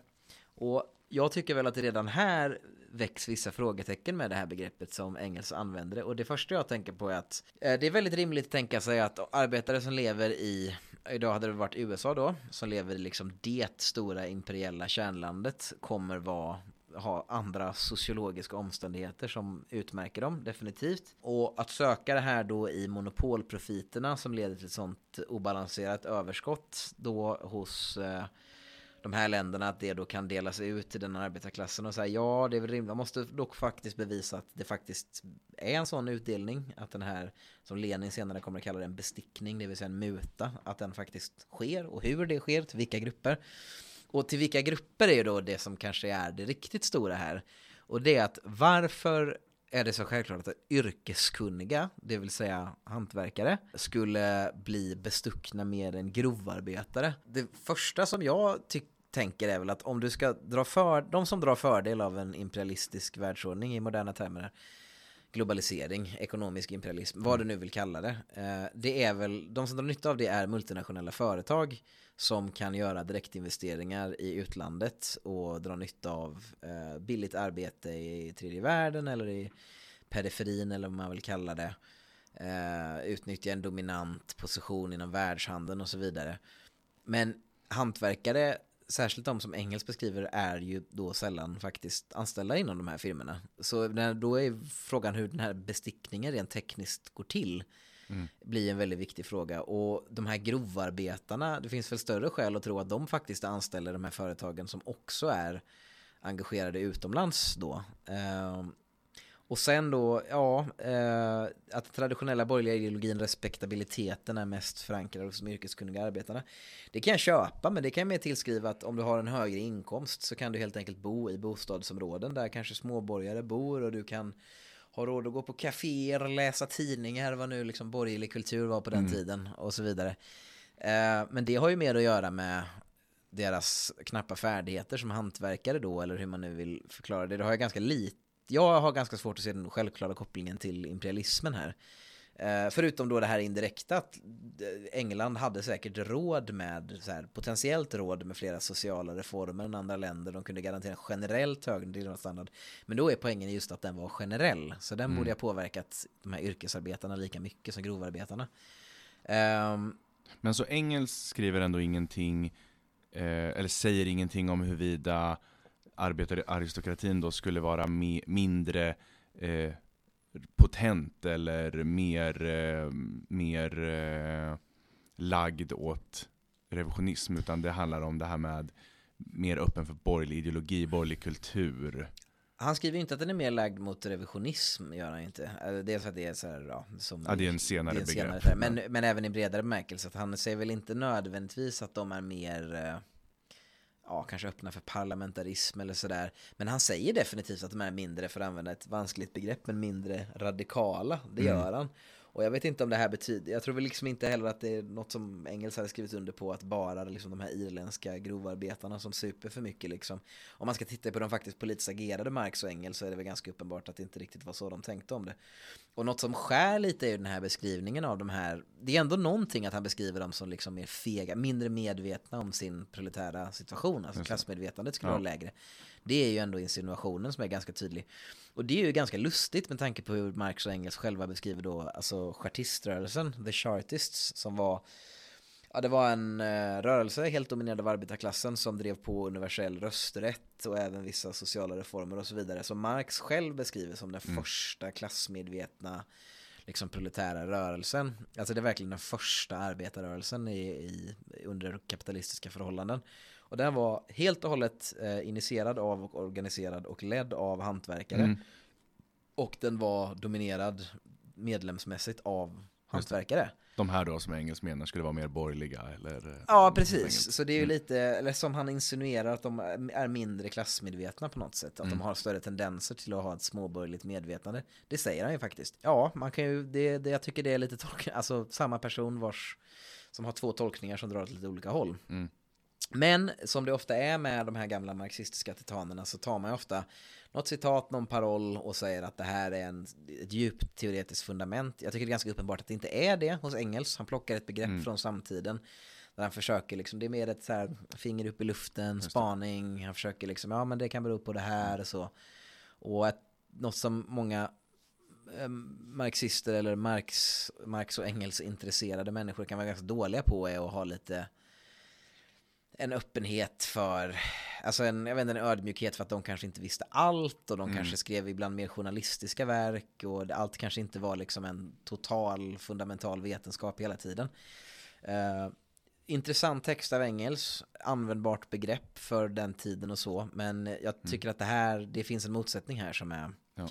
uh, som man inte får glömma. Och också då det här etnisk klyvnad av arbetarklassen kan få likartade, alltså han lägger också in den här dimensionen då, han gör den här, alltså då är det engelsmän och irländare. Mm. Då breddar han ju begreppet att det är liksom en helt annan sorts stratifiering som också kan vara, det kan också vara en sorts aristokrati. Mm. Då glider han ifrån det här att det är något så strikt ekonomiskt. Bara ännu ett exempel på att det är ett lite vagare begrepp så. Men Lenin då plockar ju upp det här begreppet och utarbetar det lite mer teoretiskt. Mm. Även Lenin lid, ja, och Lenin-tolkare i första hand lider av exakt samma sjuka. Att eh, Lenin är en väldigt intressant författare, han skriver väldigt många intressanta saker. Men man har väldigt svårt att hantera att det är, sak, mycket saker han skriver är en politisk intervention. Det är specifikt för den tiden, ska förklara en sak då. Det är liksom, det är som att skjuta ett hagelgevär. It's got a good spread. Det träffar mycket av det relevanta, Ja. men det kan träffa lite för mycket. Det. det. är inte ett precisionsvapen. Ofta så kan man tänka när man läser om Lenin, mycket av det han skriver i alla fall. Och det är också viktigt att tänka att när Lenin tar upp det här begreppet så är det ju för att hantera alltså ett trauma i princip, alltså en chock, en politiskt, ett politiskt trauma, att det hände Mm. Någonting som de aldrig trodde. Det är en klassisk sån, också i kommunistisk mytologi eller så här historieskrivning är just det här med, man trycker så mycket på den här totala chocken som Lenin uttryckte för att Socialdemokratiska arbetarpartiet i Tyskland som var hans stora förebild röstade för krigsriterna. Han vägrade tro på det först, han trodde att det var eh, att det var säkerhetspolisen som spred desinformation eh, mellan Europas arbetarpartier.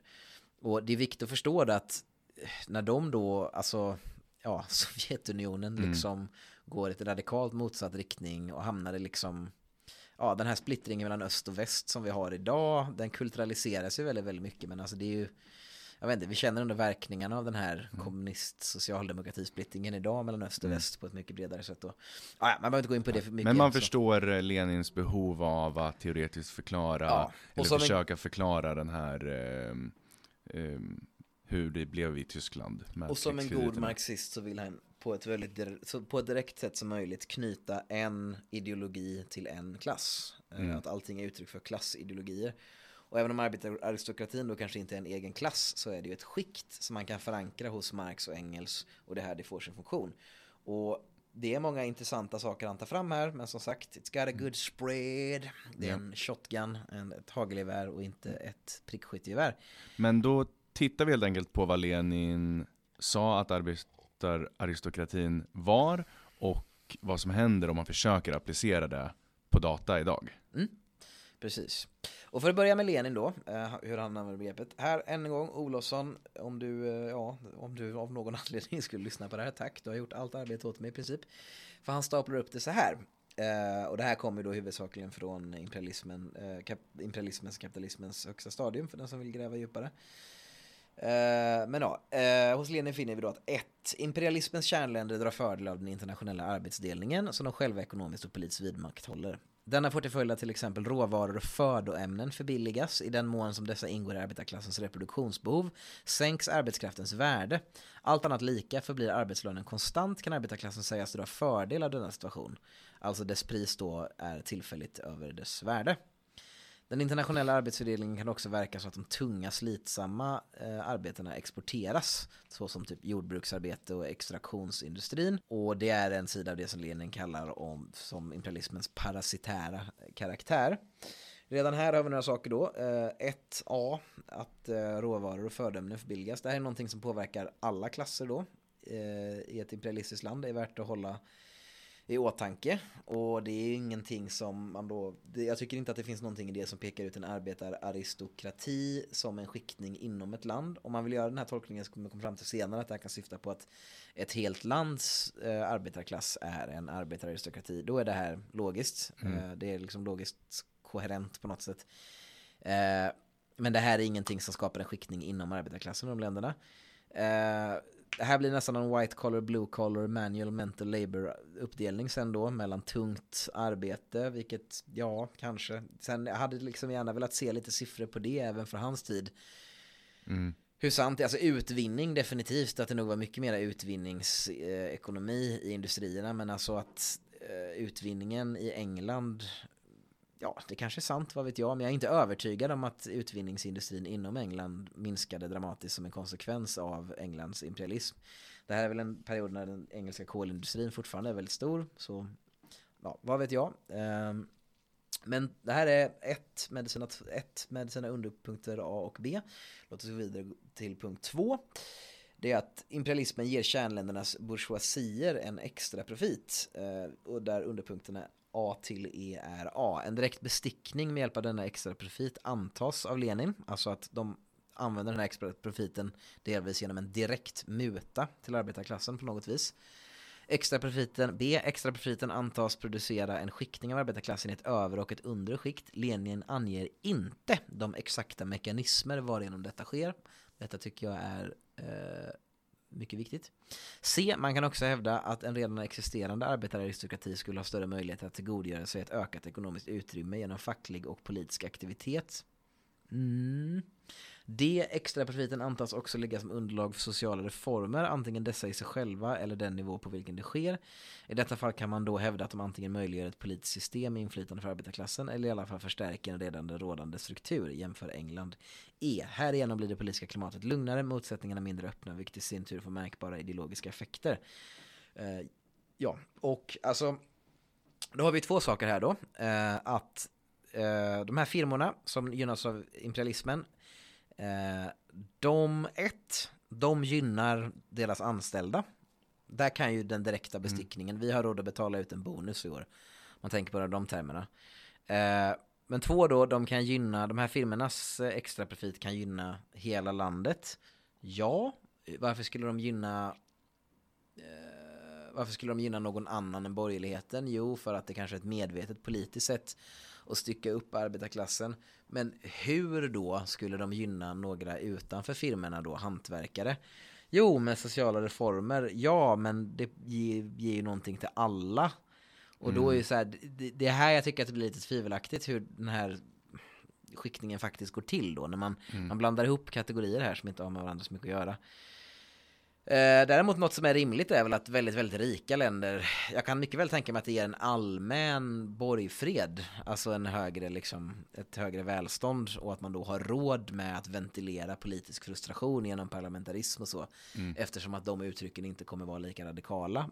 Det här finns någonting, men då är då lämnar vi lite skiktningsfrågan. Då gäller det ett helt land och inte hur arbetarklassen är skiktad. Precis, och man märker att man hela tiden pendlar mellan de här olika nivåerna. Är det ett skikt, mm. är det en liten klick, är det ett helt land? Liksom. Uh, och ja, vi kommer komma in på det ännu mer snart här då. Och till sist då, tre. Imperialismen både nödvändiggör och möjliggör en kraftig militär apparat av både ekonomiskt och politiskt slag, där det ekonomiska då är rustningsindustrin. 3A. Den del av arbetarklassen som arbetar i rustningsindustrin är direkt beroende av en bestående imperialism och tenderar att bli dess försvarare. B. Stormaktsställningen och den militära sektorns starka roll får ideologiska konsekvenser i form av nationalism och chauvinism. Till exempel i form av den inhemska arbetarklassens förakt för de förtryckta nationernas arbetande folk. Och här är ju lite intressanta saker då för att här är också viktigt hur man definierar imperialism då, för om det finns, om alla västländer är imperialistiska för att de exporterar, Lenins definition är ju i princip att man exporterar fast kapital till eh, andra länder där de länderna inte har kontroll över det här kapitalet och där man håller dem underutvecklade för man vill åt deras råvaror och så vidare. Om det är definitionen, då är Sverige definitivt ett imperialistiskt land. Vi har massa textilfabriker i eh, Kambodja och så vidare. Eh, om man menar den rent ekonomiska meningen. Eh, om man menar det, eh, de här länderna hålls inte underkuvade av eh, Ja, klart, av vapenmakt, ja, jo det gör den väl. Alltså du, det produceras typ elektronik i Palestina till exempel och jag vet inte om Sverige säljer vapen. Jo, det gör man. Vi säljer, vi säljer minor till Israel och sånt va, antar jag. Men det är, så här, det är ganska indirekta former i sådana fall. I Sverige är rustningsindustrin mängden människor den anställer extremt liten. Väldigt så här profitabel men väldigt, väldigt liten. Och då är det bara, jo men uttryck av nationalism och chauvinism att arbetarklassen gynnas ju av den här väldigt profitabla industrin och det ökar svensk BNP. Men här blir verkligen den här direkt ekonomiskt, glappet här är ganska stort. Mm. Alltså det kan uppenbarligen inte finnas någon medvetenhet där liksom gemene LO-arbetare går till jobbet och tänker vad bra det är att Sverige säljer JAS-plan till Colombia för då håller vi nere FARC-gerillan så att de inte kan alliera sig med Chavez och bygga en federation mot USA-imperialismen för att jag är en del av det imperialistiska blocket. Alltså, nej. ingen resonerar så. Nej. Det är väldigt uppenbart. Och då är det att det finns någon slags, nej men vi pratar om incitament i eh, i marxismen och så. Men ja, men det är inte riktigt det man säger här, utan man säger att det, in, det, enda incitamentet här är att Sverige får ett ökat välstånd av det här. Ja, Sverige har då kanske råd med sociala reformer, Sverige kanske råd. Ja, ja, ja, allt det är sant. Mm. Men liksom, det ni pratar om är ett stöd till imperialismen och det tror jag absolut Jag tror att imperialismen kan ha en sövande effekt. Kan agera som en blöt filt på många sätt säkert liksom. Men det är, all, det är konsekvent med den här teorin. Det är extremt mycket hopp mellan olika eh, logiska hopp mellan olika nivåer hela tiden, olika Mm. kategorier som är ganska svåra att få ihop. Eh, sen är det i USA där man har the military industrial complex, alltså de har en väldigt, väldigt stor, ja, som jag förstår det rätt så anställer väl de betydligt många fler. Så ja, möjligtvis. Jag har inte svårt att tänka mig liksom att folk som jobbar på någon sån här Raytheon-fabrik liksom, att de kan känna en lojalitet till firman, liksom att det som är bra för Raytheon är bra för min familj, definitivt. Men Mm. du får titta på totaliteten inom en klass. Det finns nog också ganska många människor som känner att det som är bra för Ja, jag vet inte. Eh, jordbruksjobb med kollektivavtal som inte går till illegalt invandrade mexikaner är bra för min familj. Och då är det ett incitament mot imperialism, mot globalism. Och folk på Ford kanske vill att man producerar mer bilar i USA istället för i... Alltså de här sakerna kan ju ta ut varandra också menar jag om man pratar om arbetarklassen som en helhet. Ja. Eh, och här är också att om, rust, om det är rustningsindustrin då är det arbetararistokratin som en sektor. Alltså som en ekonomisk sektor, en näringsgren helt enkelt. Inte som yrkesskickliga, inte som människor anställda inom multinationella företag, utan det är en specifik produkt som gynnas av det här.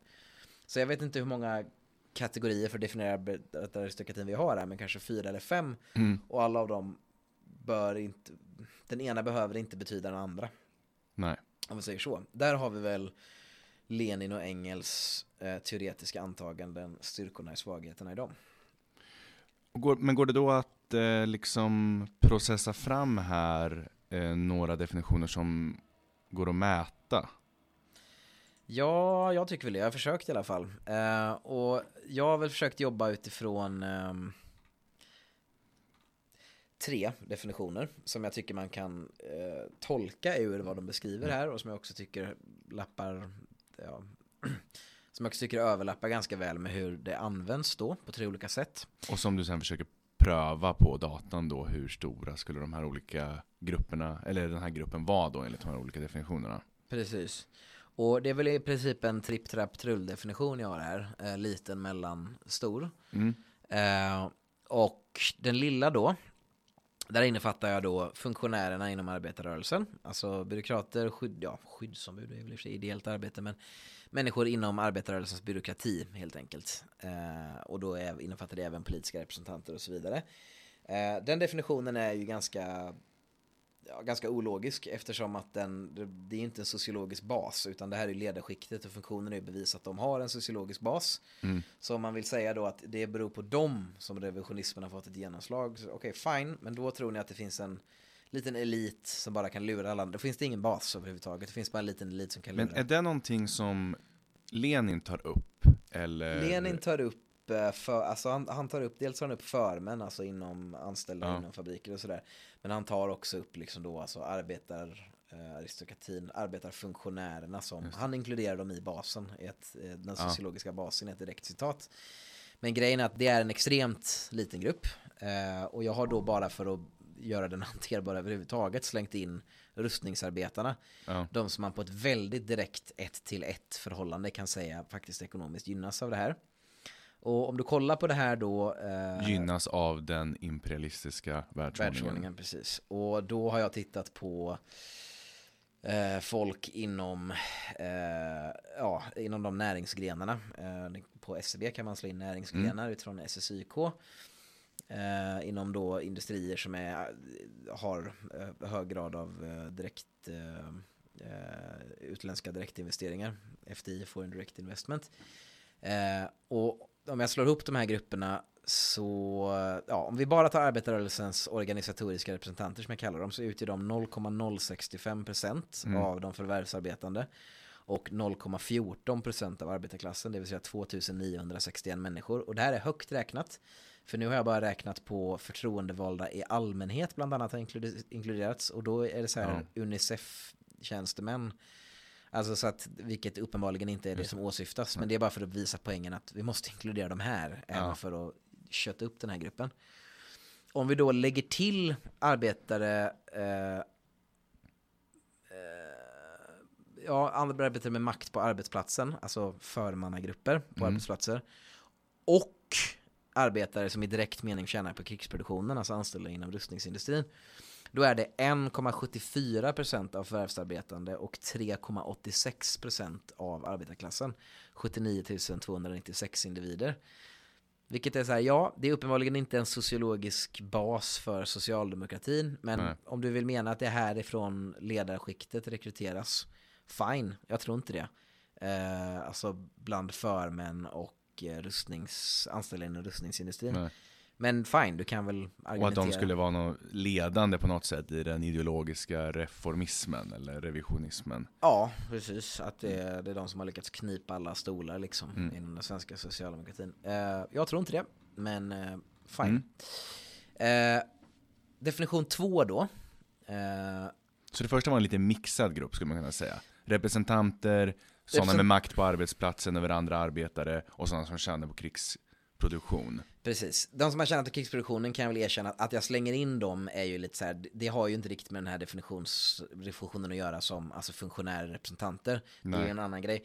Det är mest bara för att det här är de som ekonomiskt gynnas av det som är jag behövde slänga in en grupp för att göra det typ mätbart, mätbart överhuvudtaget och eller liksom signifikant på något sätt. Ja. Och då är det de som är abso- absolut mest direkt ekonomisk mening tjänar på det här. Ja. Men om man ska gå vidare till eh, trull då, i tripp, trapp, trull, Mm. så är det den här mellangruppen. Trapp. Trapp menar jag kanske. Trull är ju sist ja. Om vi ska gå vidare till trapp, Ja. eh, från trapp här, så är det eh, imperialistiskt gynnade arbetare i bred mening. Mm. Eh, och då under det så är det ju egentligen två skilda definitioner. Eh, där en påstås gynnas av både eh, Engels och Lenin, men jag är fortfarande oklar över hur, och det är då hantverkarna, Mm. eller de yrkesskickliga. Eh, och de kan man räkna ut till att det är ungefär 19,50% av arbetarklassen, eller 19,5% av arbetarklassen, Mm. och 8,79% av förvärvsarbetande, det vill säga 399 662 individer. Alla de här siffrorna gäller år 2019 för den som är intresserad. Exakt hur de gynnas av imperialismen eh, är oklart, men om man vill ha den här definitionen anständighet, levnadsstandard, kunna bo i småborgerliga bostadsområden, Mm. kunna ha råd och eh, låta ens barn bo hemma medan de pluggar på universitetet, eh, kanske till och med ge dem lite startkapital för ett företag. Om det är den väldigt av imperialismen ej beroende definitionen vi pratar om här, så ja, då, då är det ungefär eh, 19,5% av arbetarklassen. Men sen då arbetararistokrati, arbetare gynnade av imperialismen. Och här har jag fått siffertrixa lite då. Eh, och här har jag då inkluderat arbetare inom industri. Eftersom att industri står för eh, en bra, bra bit över hälften av utländska direktinvesteringar. Mm. Och då är det arbetare inom industri med en lön som eh, överstiger den svenska medianlönen. Och då är det alltså för alla yrken, eh, inte bara arbetaryrken. Samt eh, SSIK, ja, 111, 130, eh, skitsamma i siffrorna. Eh, SSIK-titlarn är arbetarminister, det är inte alls det. Samt eh, SSIK-koderna för eh, politiker och eh, tjänstemän i intresseorganisationer. Så det är då inte bara inom arbetarrörelsen, än en gång, Nej. väldigt liten grupp. Så man kan inkludera alla bara för att bevisa att det är fortfarande väldigt lite. Och med industri menar du då det vi tidigare i avsnittet har kallat för produktionsfraktionen? Ja, precis. Eh, nej, det menar jag inte. Jag menar inte i fraktionell mening, utan då menar jag utifrån SCBs näringrensindelning så menar jag, Okej. då menar jag industri, alltså Ja. anställda inom industri. Ja. eh, I eh, ja, den allmänna uppfattningen av vad det innebär. Mm. Eh, och bland då, ja, om vi räknar då på arbetare inom industri med lön över den svenska medianlönen samt de här väldigt små funktionärsgrupperna Mm eh, så får vi eh, 4,37% av arbetarklassen och 1,97% av de förvärvsarbetande. För jag menar, något som är gemensamt för Engels Lenin och som är det liksom viktiga här, varför de utgör en aristokrati då, det är att de på något sätt skiktas från resten av arbetarklassen, att de har en högre levnadsstandard. Du kan räkna på om de tjänar över medianlönen inom bara arbetaryrken, då blir gruppen säkert eh, lite större, men det är ganska lite. Menar den här, den högst betalda gruppen, yrkesgruppen inom industrier, privat sektor, de tjänar 4 000 kronor mer än, eh, än median, den svenska medianlönen. Ja. Det är inte, jag vet inte, det är ju gött. Jag skulle vilja ha 4 000 mer i lön. Det är inget, det skulle inte göra dig eh, mer eh, re revisionistisk eller mer radikal? Jag vet inte om det hade lett till att jag hade kunnat leva i en radikalt annorlunda social Nej. miljö heller. Alltså, det är, om du tar steget upp till typ chefer inom butikskedjor och sådär. Mm. Alltså det här är gruppen som tjänar 60-70 tusen. Alltså det är rika jävla människor liksom. Mm. Och det är liksom steget till någon slags borgerlig pool och man bara kan mäta det i kronor och ören liksom. Mm. Alltså jag, man måste sätta, man måste liksom ha lite den det. det. perspektivet på det lite för att det ska bli logiskt. Och jag menar de som faktiskt tjänar 4 000 mer än den svenska medianlönen, de, det är ett yrke, det är en väldigt liten grupp. Mm. Uh, och det är, det är 4,37% av arbetarklassen som tjänar över den svenska medianlönen uh, och som jobbar inom industri. Ja. Um, och det är där man kan se en, där det skulle vara en direkt bestickning då liksom för att det är ja, tjänsteföretag och liknande är inte alls, har inte alls väldigt obetydelsefulla direktinvesteringar i utlandet. Och, så jag menar den här direkta mutan, du får en högre lön för att vi tjänar så mycket pengar på att exportera det här.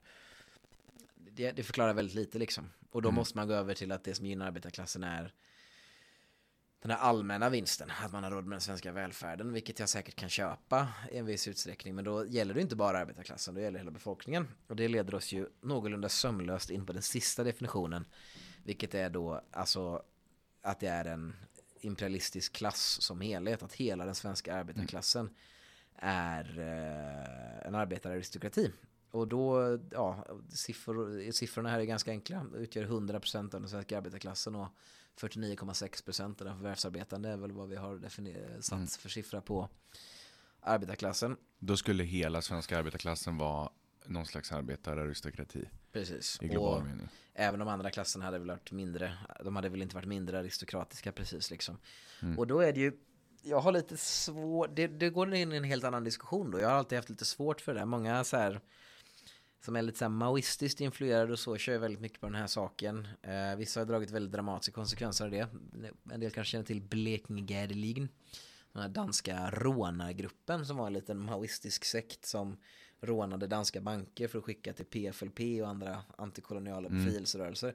Just med analysen att den västerländska arbetarklassen är bara liksom rent nominellt en arbetarklass. Den upprätthåller, i den imperialistiska eran så upprätthåller de och det är typ, ofta är det där som en intressant tankeövning och det är en intressant radikal slutsats. Men det är lite som att läsa så här Una-bombaren Ted Kaczynski typ. Att det är, mm. det är en så här yttersta slutsats då. Alltså i hans fall så är det något helt annat då. Någon slags här primitivistisk idé om ska kunna ställa sig utanför samhället. Ja, skitsamma, ni som känner till Kaczynski känner till Kaczynski. Yeah. Alltså men att det har lite samma funktion. Att det är intressant att läsa det här är att det är någon slags, ta någonting till sin spets liksom. Eh, jag tycker inte att det riktigt håller empiriskt och det enklaste argumentet är väl att jag har ganska svårt att se hur imperialism och ekonomisk globalisering idag har liksom gynnat den här traditionella arbetararistokratin. Ehm, man kan mena att deras reaktion på det är en slags deklassering från ett arbetararistokratiskt skikt. Vilket gör dem reaktionära, vilket gör att de vill ha nationalistiska ledare.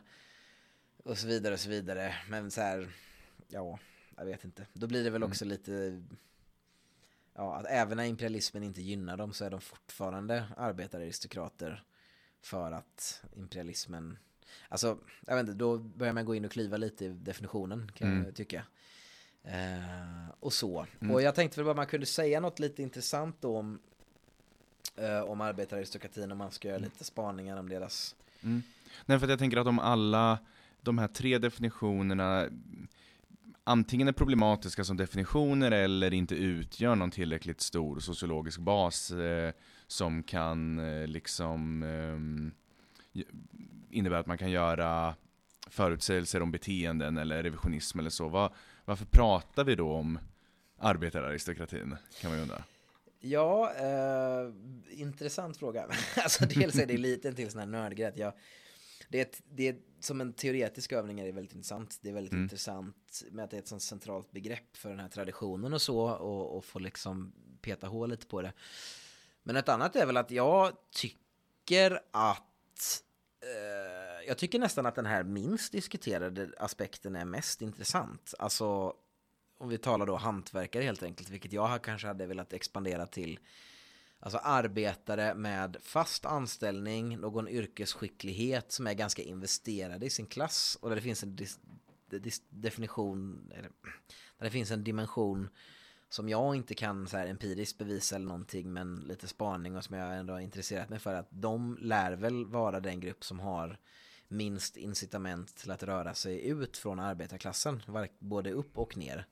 Mm. Um, och att de är väl ofta ganska liksom lojala, de har ett intresse av att stanna kvar på en arbetsplats länge, de har ett intresse av att kanske engagera sig fackligt för att lyfta hela sin yrkeskår och i förlängningen då hela sin klass. Eh, och jag tycker man kan se det här i hur det finns ju ett förbund inom, eller en federation inom LO som heter 6F eh, som består av eh, målarnas, byggnads, elektrikerna, fastighets och seko.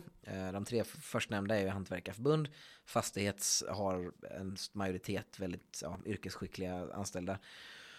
Och Seko är lite allt möjligt. Deras största grupp är ju mm. postisar men de har också lokförare och sådana grupper. Mm. Eh, jag menar 6F målas ju alltid upp som den här. Det är de som finansierar katalys bland annat. Och de målas alltid upp som det här lite mer liksom radikala, vänstersossiga, offensiva. Och de bråkar i varje avtalsrörelse. De vill, de vill riva upp industriavtalet nu och sådär, vilket skapar massa konflikt. Och, då är det, och det är alltid Kommunal och IF Metall då som står i andra änden som de här mest liksom, vad ska man säga, högersossiga förbunden. Ja. Och Kommunal organiserar de lägst betalda inom hela LO. Så om det skulle vara någon slags radikaliseringsincitament så är det ju, ja, inte, inom, inte i deras fackförening i alla fall, så kan man ju säga. Eh, och IF Metall då, de hamnar i en intressant mellanläge för de borde ju organisera alla de här arbetararistokraterna definierade utifrån den här direkt bestuckna gynnade av imperialismen. Och de är ju det mest gula fackförbundet i hela LO. Alltså de är ju ja. de är mer lojala liksom svensk industri än vad de är liksom fackföreningsrörelsen egentligen. Uh, så jag menar, där har vi de här, de här olika definitionerna faktiskt drar åt helt olika håll inom LO. Alltså att hantverkare skulle vara Ja, men så att hantverkare skulle vara nöjda på något sätt och gynnade och därför liksom inte lika intresserade um, av liksom att driva radikal politik verkar inte stämma då helt enkelt. Nej, alltså dels så är det väl att de är ganska, att så här imperialism och globalisering är väl som yrkesskikt i alla fall. att det är ganska egalt för dem liksom. Att det är så här, det, det, det, är ingenting som påverkar dem så mycket så, det kommer alltid behövas elektriker. Eh, det enda är väl hur globaliseringen liksom påverkar löntagare och arbetare som helhet liksom. Och att det är det här, att de har det bättre, vilket jag köper att de har, att det skulle leda till att de skulle vara mindre radikala. Det är väl, jag tycker väl snarare att man ser incitament på tvärtom. Mm. Alltså att de är, att de faktiskt har liksom, det, och jag menar, det är väl ganska logiskt också, det, det kostar dem mindre att liksom ta ut stridsåtgärder. Det är väldigt svårt att sparka mm. dem, det är väldigt lätt för dem att ta ut stridsåtgärder. Eh, man behöver inte organisera så många och sådär. Och det gör dem till ett ganska naturligt liksom ledarskikt inom arbetarrörelsen. Skulle man kunna tycka i alla fall. Um, vilket de också har varit då historiskt, alltså i vissa länder i alla fall. Men så här, chartisterna som vi nämnde uh, var liksom en hantverkarrörelse. Uh, den tidiga socialdemokratin organiserades helt och hållet av hantverkaryrken. Många som fortfarande arbetade under skråmässiga förhållanden. Kunde knappt kalla dem för moderna proletärer. Så de är ju ofta liksom kaxiga, eh, uppstickade sådär så. Och jag tror samtidigt att det är, nu är jag inne i eh, gissningar och spaningar här, men jag kan samtidigt tänka mig att det är de som är lättast lockade av Sverigedemokraterna. Mm. Just mm. för att de är, jag tror att de är ganska, de har tydliga tendenser till att säga sitt. De är inte rädda för att protestera. Eh, de är nog inte lika försiktiga som andra i sin klass, skulle jag misstänka. Eh, vilket ju då, beroende på vad man tycker som om Sverigedemokraterna då kan ju ses som något gott eller negativt. Eh, men det är definitivt uttryck för en, tycker jag, alltså skulle jag mena ett skikt, en grupp inom arbetarklassen som är mer beredd att protestera högljutt och tidigt och direkt liksom. I kontrast då till eh, gruppen vi ska komma in på strax, mm. prekariatet och de med väldigt tillfälliga arbetsförhållanden som därigenom eh, kanske inte kan samla sig.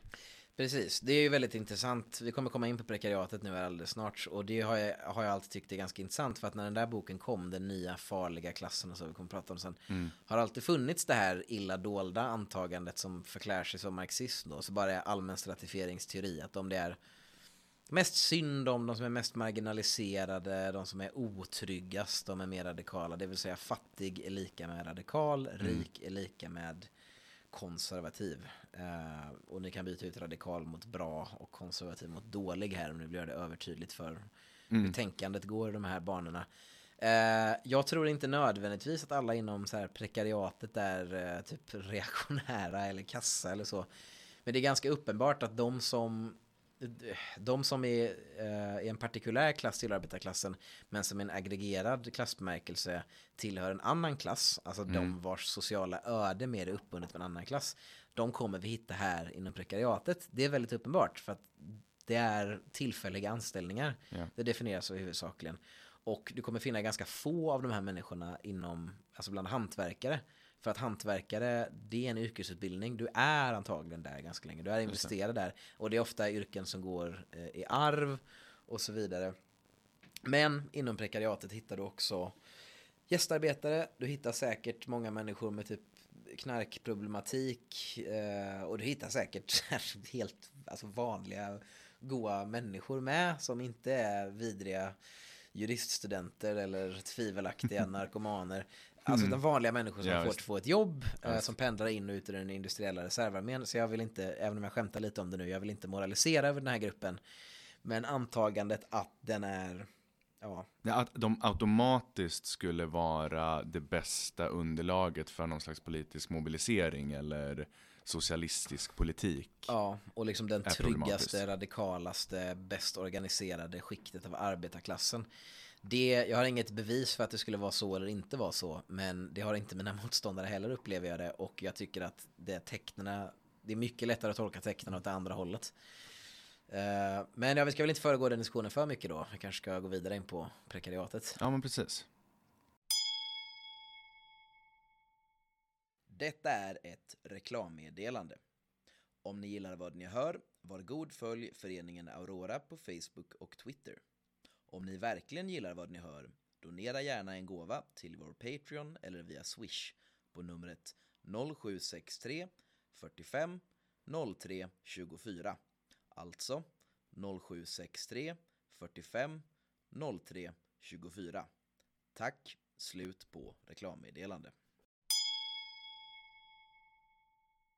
Prekariatet då.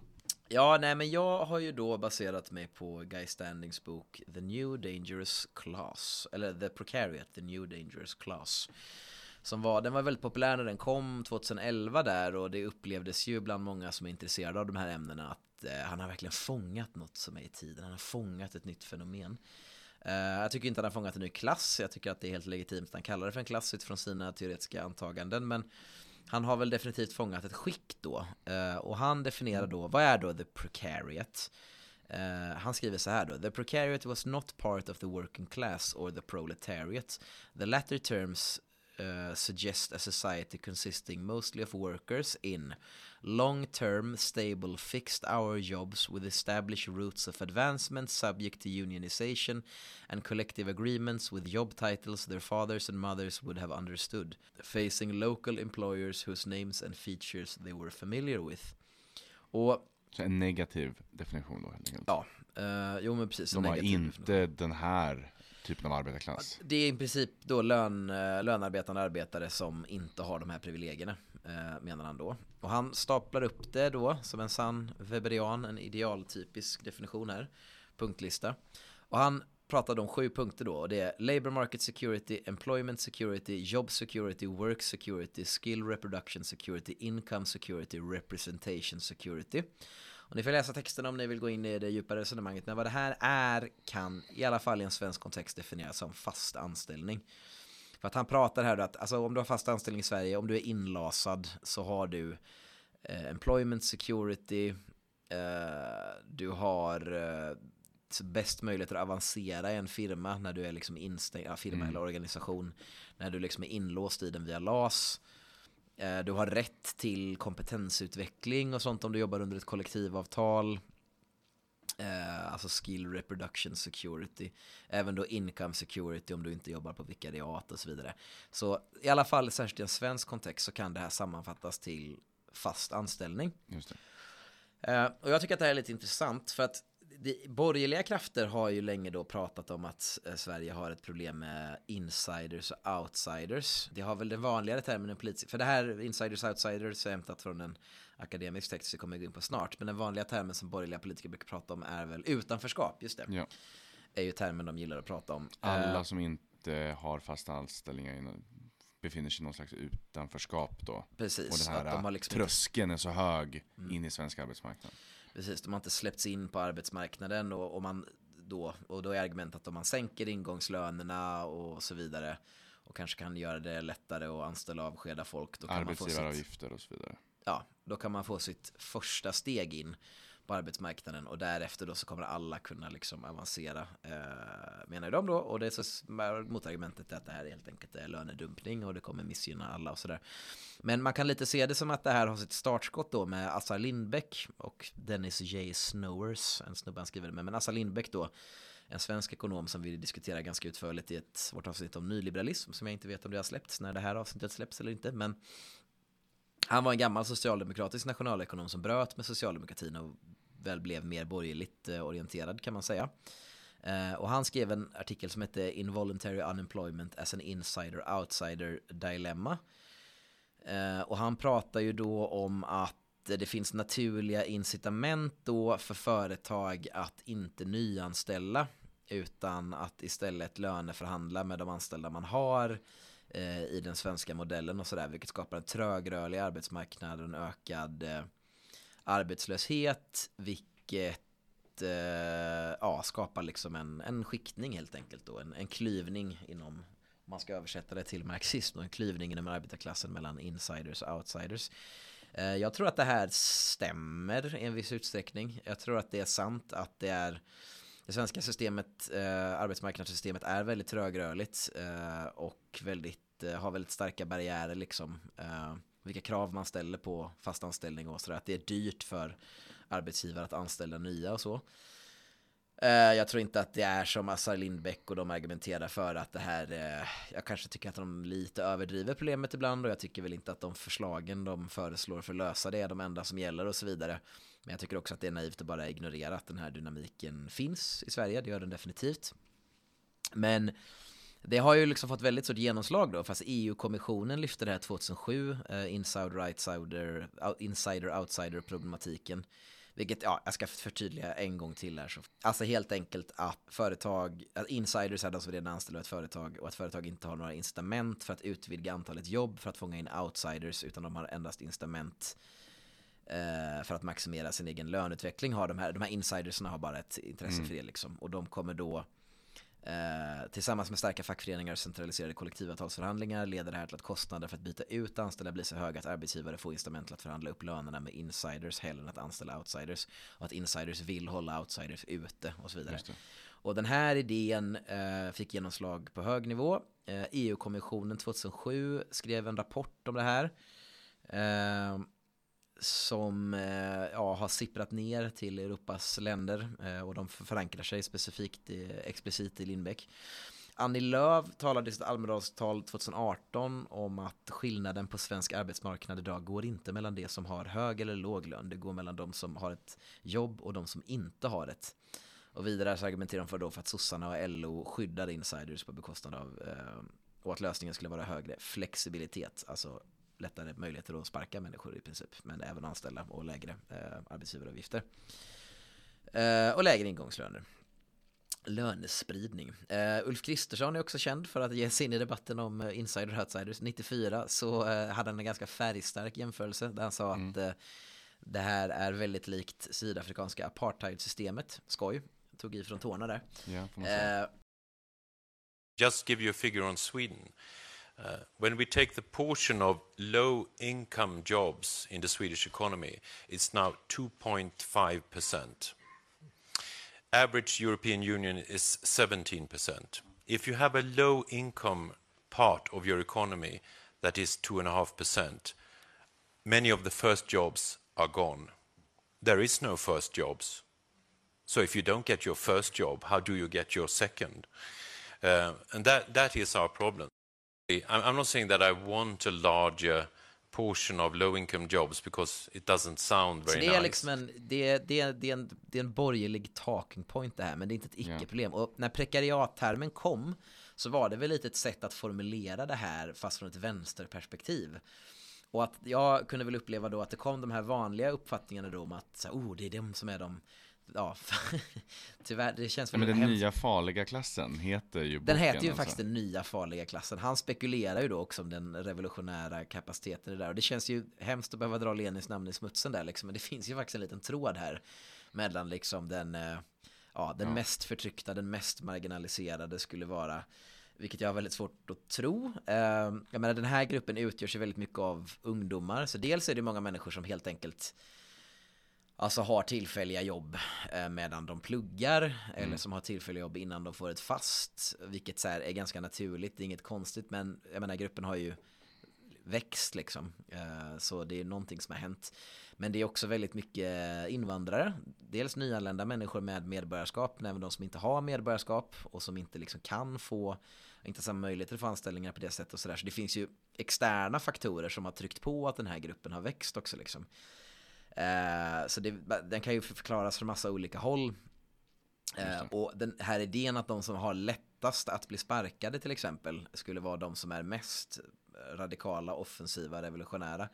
Det finns väl också starka skäl att tro att den som är inlasad och typ inte kan bli sparkad i Glorious DDR-Sverige är den som kanske vågar vara mest aggressiv i en avtalsrörelse.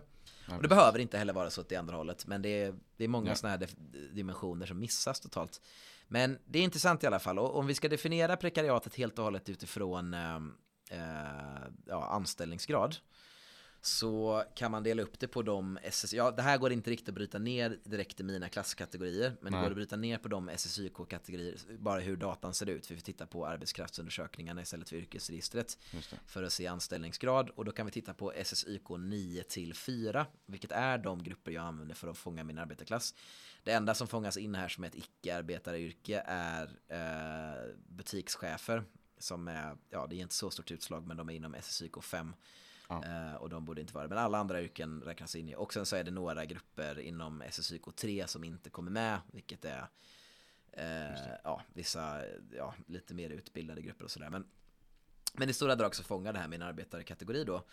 Och om man räknar upp, ni kan gå in och bryta ner det, ni som vill läsa artikeln på ja, SSYK 9, yrken med krav på kortare utbildning och hur det ser ut inom lantbruket och så vidare. Men de här proletära yrkeskoderna eh, tillsammans då, där är det arbetare med fast anställning utgör 32% av den förvärvsarbetande befolkningen. Eh, arbetare med ej fast procentandel, eh, med ej fast anställning, alltså prekariatet här då, utgör 9,5% av den förvärvsarbetande befolkningen.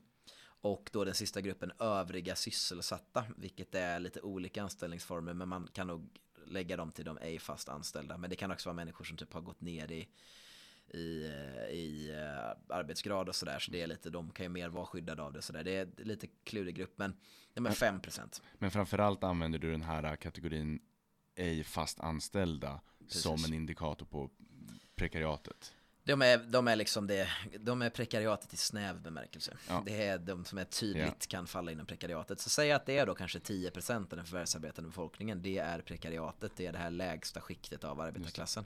Annars i en lite bredare bemärkelse när även de här övriga anställningsformer inkluderas på 14,61% blir det då totalt Precis. av den förvärvsarbetande befolkningen som Ja. är preka- prekariatet. Precis, och den gruppen får ju brytas upp lite så, men, men precis. Det skulle vara de här 10 procenten då som utgör den här insider-outsider problematiken. Eh, och de är ju, det är ju en väldigt så här heterogen grupp då. Du har ju folk som pluggar till en högre ingenjörsutbildning men som kanske jobbar som Deliveroo, eh, vad heter de det? Deliveroo, nej det är mer i England det här företaget Foodora finns. Foodora är ju företaget i Sverige. Gigarbetare och Ja. det kan också vara tillfällig anställd, alltså bartendrar. Bemanningsanställda i olika Precis. sektorer i samhället. Och det här kan ju ofta då kan det ju vara människor som faktiskt kan komma från en, alltså en icke-proletär familj. Alltså de kan komma Ja. från typ överklassmiljöer men de gör det här för att man ska ha ett jobb så länge. Det kan också vara alltså vanliga hedliga svenska arbetare som är så här typ narkomaner eller så träningsjobb eller liksom har har väldigt svårt att så här, eller bara människor som har otur och inte kan få en fast anställning. Eh, och att unga i högre grad fastnar i det här längre. Men alltså det här är en intressant skikt och då också den här invandringsaspekten av det. Invandrare födda i Sverige med medborgarskap och invandrare som inte är medborgare. Alltså många sådana här västafrikanska gästarbetare faller väl säkert här under. Och här blir det den här intressanta saken om partikulär och aggregerad klass. Alltså människor, vad deras klass... Den här prekariatet samlar ju väldigt många människor på genomresa mellan klasser liksom. Eh, dels kanske människor som kommer utifrån från, liksom, alltså från andra länder. Det kan vara så här getbönder som är på resa mm. in i den svenska arbetarklassen. Och det kan vara eh, alltså en son till en domare som gör en liten kort eh, genomresa medan han studerar. Mm. Och, och de, partikulärt så tillhör de alla arbetarklassen. Men eh, de är, ja det är en väldigt rörlig grupp helt enkelt. Eh, och det är ofta en ganska tillfällig grupp. Eh, och det skulle vara 10% av den förvärvsarbetande befolkningen i sådana fall. 23%, 23,89% av arbetarklassen. Mm. Okej, okay, men så då, eh, lite beroende på som sagt hur man räknar. Vi har ett eh, toppskikt, en arbetararistokrati som, eh, om man räknar den som hantverkare då, består av 19% av arbetarklassen, 19,5% av arbetarklassen. Om man eh, räknar det som arbetare gynnade av imperialismen eh, endast 4,37% av arbetarklassen. Och sen så har vi det här bottenskiktet, eh, eller det, det, det, lägre skiktet av arbetarklassen, prekariatet, 23,89% av arbetarklassen. Och däremellan då eh, ett slags, all, ett, ett brett allmänt skikt av arbetarklass. Ja. Kan man säga så? Jo, precis. Det är medelsvensson arbetarklassen då i sådana fall. Och det är ju att vi nu använder de här termerna som vi själva har uttryckt en ganska tydlig kritik mot och så. Men ja. de är ändå intressanta att, att spekulera kring. Eh, och de fångar ju någonting. Ehm, och ja. Men, men du skriver också att eh, ett annat, kan man säga, ett annat sätt att skikta upp arbetarklassen skulle kunna vara att prata om exploateringsgrad.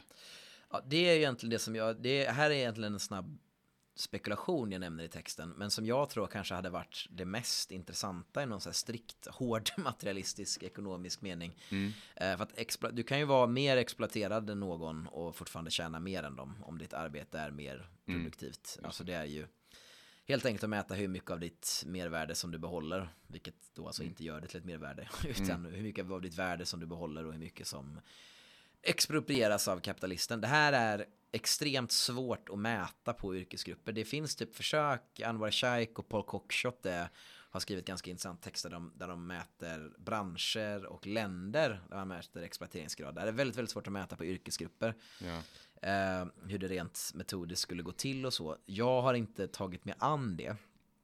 Eh, för att Nej, det är för svårt eh, och det är ingenting som jag riktigt vet jag skulle ta med. Men det hade nog varit, som ett rent teoretiskt antagande utan att empiriskt kunna undersöka allt, det hade nog varit det kanske mest intressanta sättet ja. att studera skiktningar inom arbetarklassen. Men jag menar, du skulle ju kunna, ja, du kan tjäna lite pengar men erhålla majoriteten av din mervärdesproduktion och tjäna väldigt mycket pengar och eh, erhålla, fortfarande erhålla eh, väldigt lite mm. av det mervärde du producerar, beroende på hur produktiv du är. Just det. Ett annat sätt att, eh, eller en annan eh, variabel man kan mäta och se hur det skiljer sig inom arbetarklassen som också skiktar upp det på något sätt skulle man kunna säga. Det är, väl, det är ju utbildningsnivå. Det är, mm. ju lite, det är ju lättare att mäta då än exploateringsgrad helt enkelt. Ja, och det finns något... Eh, jag inte, jag, det, det är många diskussioner jag har varit med om där man eh, ondgör sig över eh, liberal klassanalys eller weberiansk mm. där man säger att eh, ja, så här, college education i amerikansk diskussion är ofta så en markör för att bara, men hallå, nästan alla är universitetsutbildade idag. Eh, du har jättemycket så här människor med master i eh, litteraturhistoria som jobbar som baristas och så vidare. Och, så vidare. Mm. och det är ju sant, alltså utbildning är ju inte klass, men det som är intressant är att det är visst en ganska stor korrelation mellan utbildningsnivå och, eh, och klasstillhörighet som det är ju intressant att det nästan diskuteras minst, alltså hur korrelationen faktiskt är väldigt stor. Men vi kan börja titta på utbildningsnivå då i hela arbetarklassen. Och att alltså 78,64% av arbetarklassen besitter inte eftergymnasial utbildning. Alltså nästan 80% av arbetarklassen har inte eftergymnasial. Och det här har inte att göra med om deras jobb kräver det eller inte, utan det kräver, alltså det här är SSYK-koderna kategoriserat utifrån mina klasskategorier. Eh, om de besitter det överhuvudtaget, oberoende vad det betyder för deras jobb. Omkring 80% har inte eftergymnasial utbildning. Och om man då inkluderar eh, eftergymnasial utbildning på mindre än tre år, vilket är mycket yrkesutbildningar och sånt där, då är det 91,2% av arbetarklassen som inte besitter högre utbildning, definierat på det sättet. Så vid en kandidatexamen från universitet eller högskola går en väldigt bra indikator på huruvida några, någon är, eller huruvida det är arbetarklass eller Ja, vilket då också kräver alltså att de här svaga professionerna, alltså sjuksyrror, förskollärare och så räknas inte med. Nej, Men precis. i den här definitionen av arbetarklassen så ja, och det är, alltså, det är en väldigt bra indikator. Eh, det är fortfarande viktigt att tänka på att utbildning och klass är inte samma sak, men indikatorn är väldigt, och det går också att se det här på fraktionsnivå. Ja, den hårdaste gränsen är då eftergymnasial utbildning. Bland produktionsarbetarna då, eh, eftergymnasial utbildning mindre än tre år, där är det 8% av produktionsarbetarna som har eftergymnasial utbildning mindre än tre år.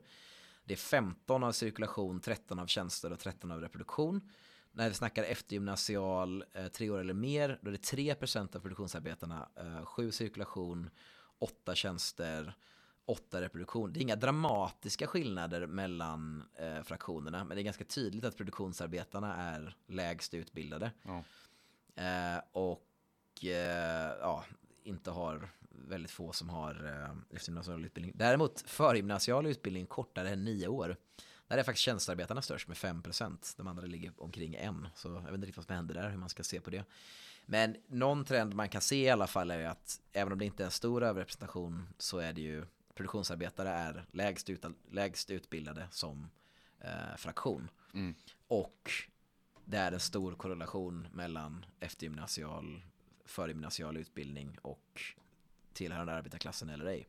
Just det. Eh, vilket är intressant. Mm. Och det är intressant att jämföra med de svaga professionerna då. Ja, bland de svaga professionerna då, de här grupperna som är, ja, jag säger ju hela tiden förskollärare och sjuksyrror, men det är också vissa, ja, vissa högre grupper som man skulle kunna, alltså lärarjobb och sådär. Eh, där är det alltså 47%, ungefär hälften, som har eftergymnasial utbildning tre år eller mer. Eh, vilket ju, ja, kandidatgränsen då. Eftergymnasial utbildning mindre än tre år är 21%. Så de flesta har ju, den förkrossande majoriteten har ju eftergymnasial utbildning bland svaga professionerna. Vilket är ganska självklart Mm. för att Ja, det som precis. definierar dem Det är. Ja. väldigt mycket utbildning då. Eh, så det är intressant. Något som också eventuellt skulle kunna diskuteras, eh, du kommer göra det i din artikel, vi kanske inte har tid eller eh, tillräckligt med data att göra det just nu, men något som både är egentligen, eller kan, kan ses som horisontella och vertikala indelningar av arbetarklassen är ju det här med kön och etnicitet. Mhm. Kan du säga någonting om det? Ja, alltså könsfördelningen inom arbetarklassen är väldigt jämn. 2019 så var männen lite fler faktiskt. Ehm, eh, men inte med, med 100 000 ungefär av eh, Ja, det var 1 miljon eh, 213 000 män i arbetarklassen och 1 miljon 115 000 kvinnor 2019. Eh, det som jag kan jag vara helt ärlig med här med, jag har inte vid inspelningen av det här så är inte fraktionsuppdelningen helt färdig ännu. Eh, men vi kommer, det jag kan säga att som man nog kan anta är, som man nog vet, är alltså att männen är väldigt överrepresenterade i eh, produktionsfraktionen. Eh, men kanske mest intressant tycker jag är väl den här etniska aspekten då. Och ett problem är att man kan inte, yrkesregistret kan man bara titta på eh, födelseregion, alltså utomrikes födda arbetare. Men det som kanske hade varit eh, väldigt intressant att se är ju då alltså inrikes födda arbetare men med utlandsfödda föräldrar. Eh, gärna två utlandsfödda föräldrar för mitt antagande har varit att om man har en inlandsfödd förälder så kan man nog anta att det är ganska integrerat och att de inte uppfattas som en utometnisk grupp av de flesta. Men eh, om man tar då, jag har, jag har lite slappt kallat födelseregion tredje världen, med vilket jag menar födelseregion Afrika, Asien, Sydamerika. Så det är alltså 15% av arbetarklassen eh, som är eh, födda i, ja, vad vi kan kalla tredje världen. 9% är födda i Europa exklusive Norden. Det är de stora grupperna. Sen så är det ganska betydelselösa grupper födda i Nordamerika och så vidare. Eh, men det, det här är de, så man skulle kunna säga att ungefär 20, ja mellan 20-25 procent av arbetarklassen är födda utomlands, utanför Norden. Eh, I de här relevanta födelseregionerna då. Och det hade varit intressant att se då på eh, liksom, ja, barn. eh, så att säga. Och det beror lite på vad man räknar, kommer ha tydligare siffror här ganska snart. Mm. Men det här är aspekter av klassanalysen som skulle kunna potentiellt sett ha politiska implikationer eller? Ja, och saker som jag inte haft möjlighet att titta på är ju eh, något som jag väl i och för sig vet från andra källor är ju att alltså etnisk Ja, vi kan kalla utom etnisk, jag vet inte vad folk lägger den i det begreppet, men det som menas helt enkelt är grupper som kan identifieras som ej svenska. Eh, av vilken anledning, om det är för att folk är rasister eller om det är för att de inte pratar det svenska språket eller vad det nu kan vara. Eh, det är bara hur som helst grupper som tenderar att identifieras som icke-svenska av, av andra svenskar. Att arbetare, utometniska arbetare, är väldigt koncentrerade runt större städer och det är ju något som har ganska stor mm. betydelse för ett parti som Sverigedemokraternas tillväxt eh, och så vidare, vilka områden de blir starka i och var vilken sorts kommunikation funkar och, och sådär. Sånt är ju intressant att titta på.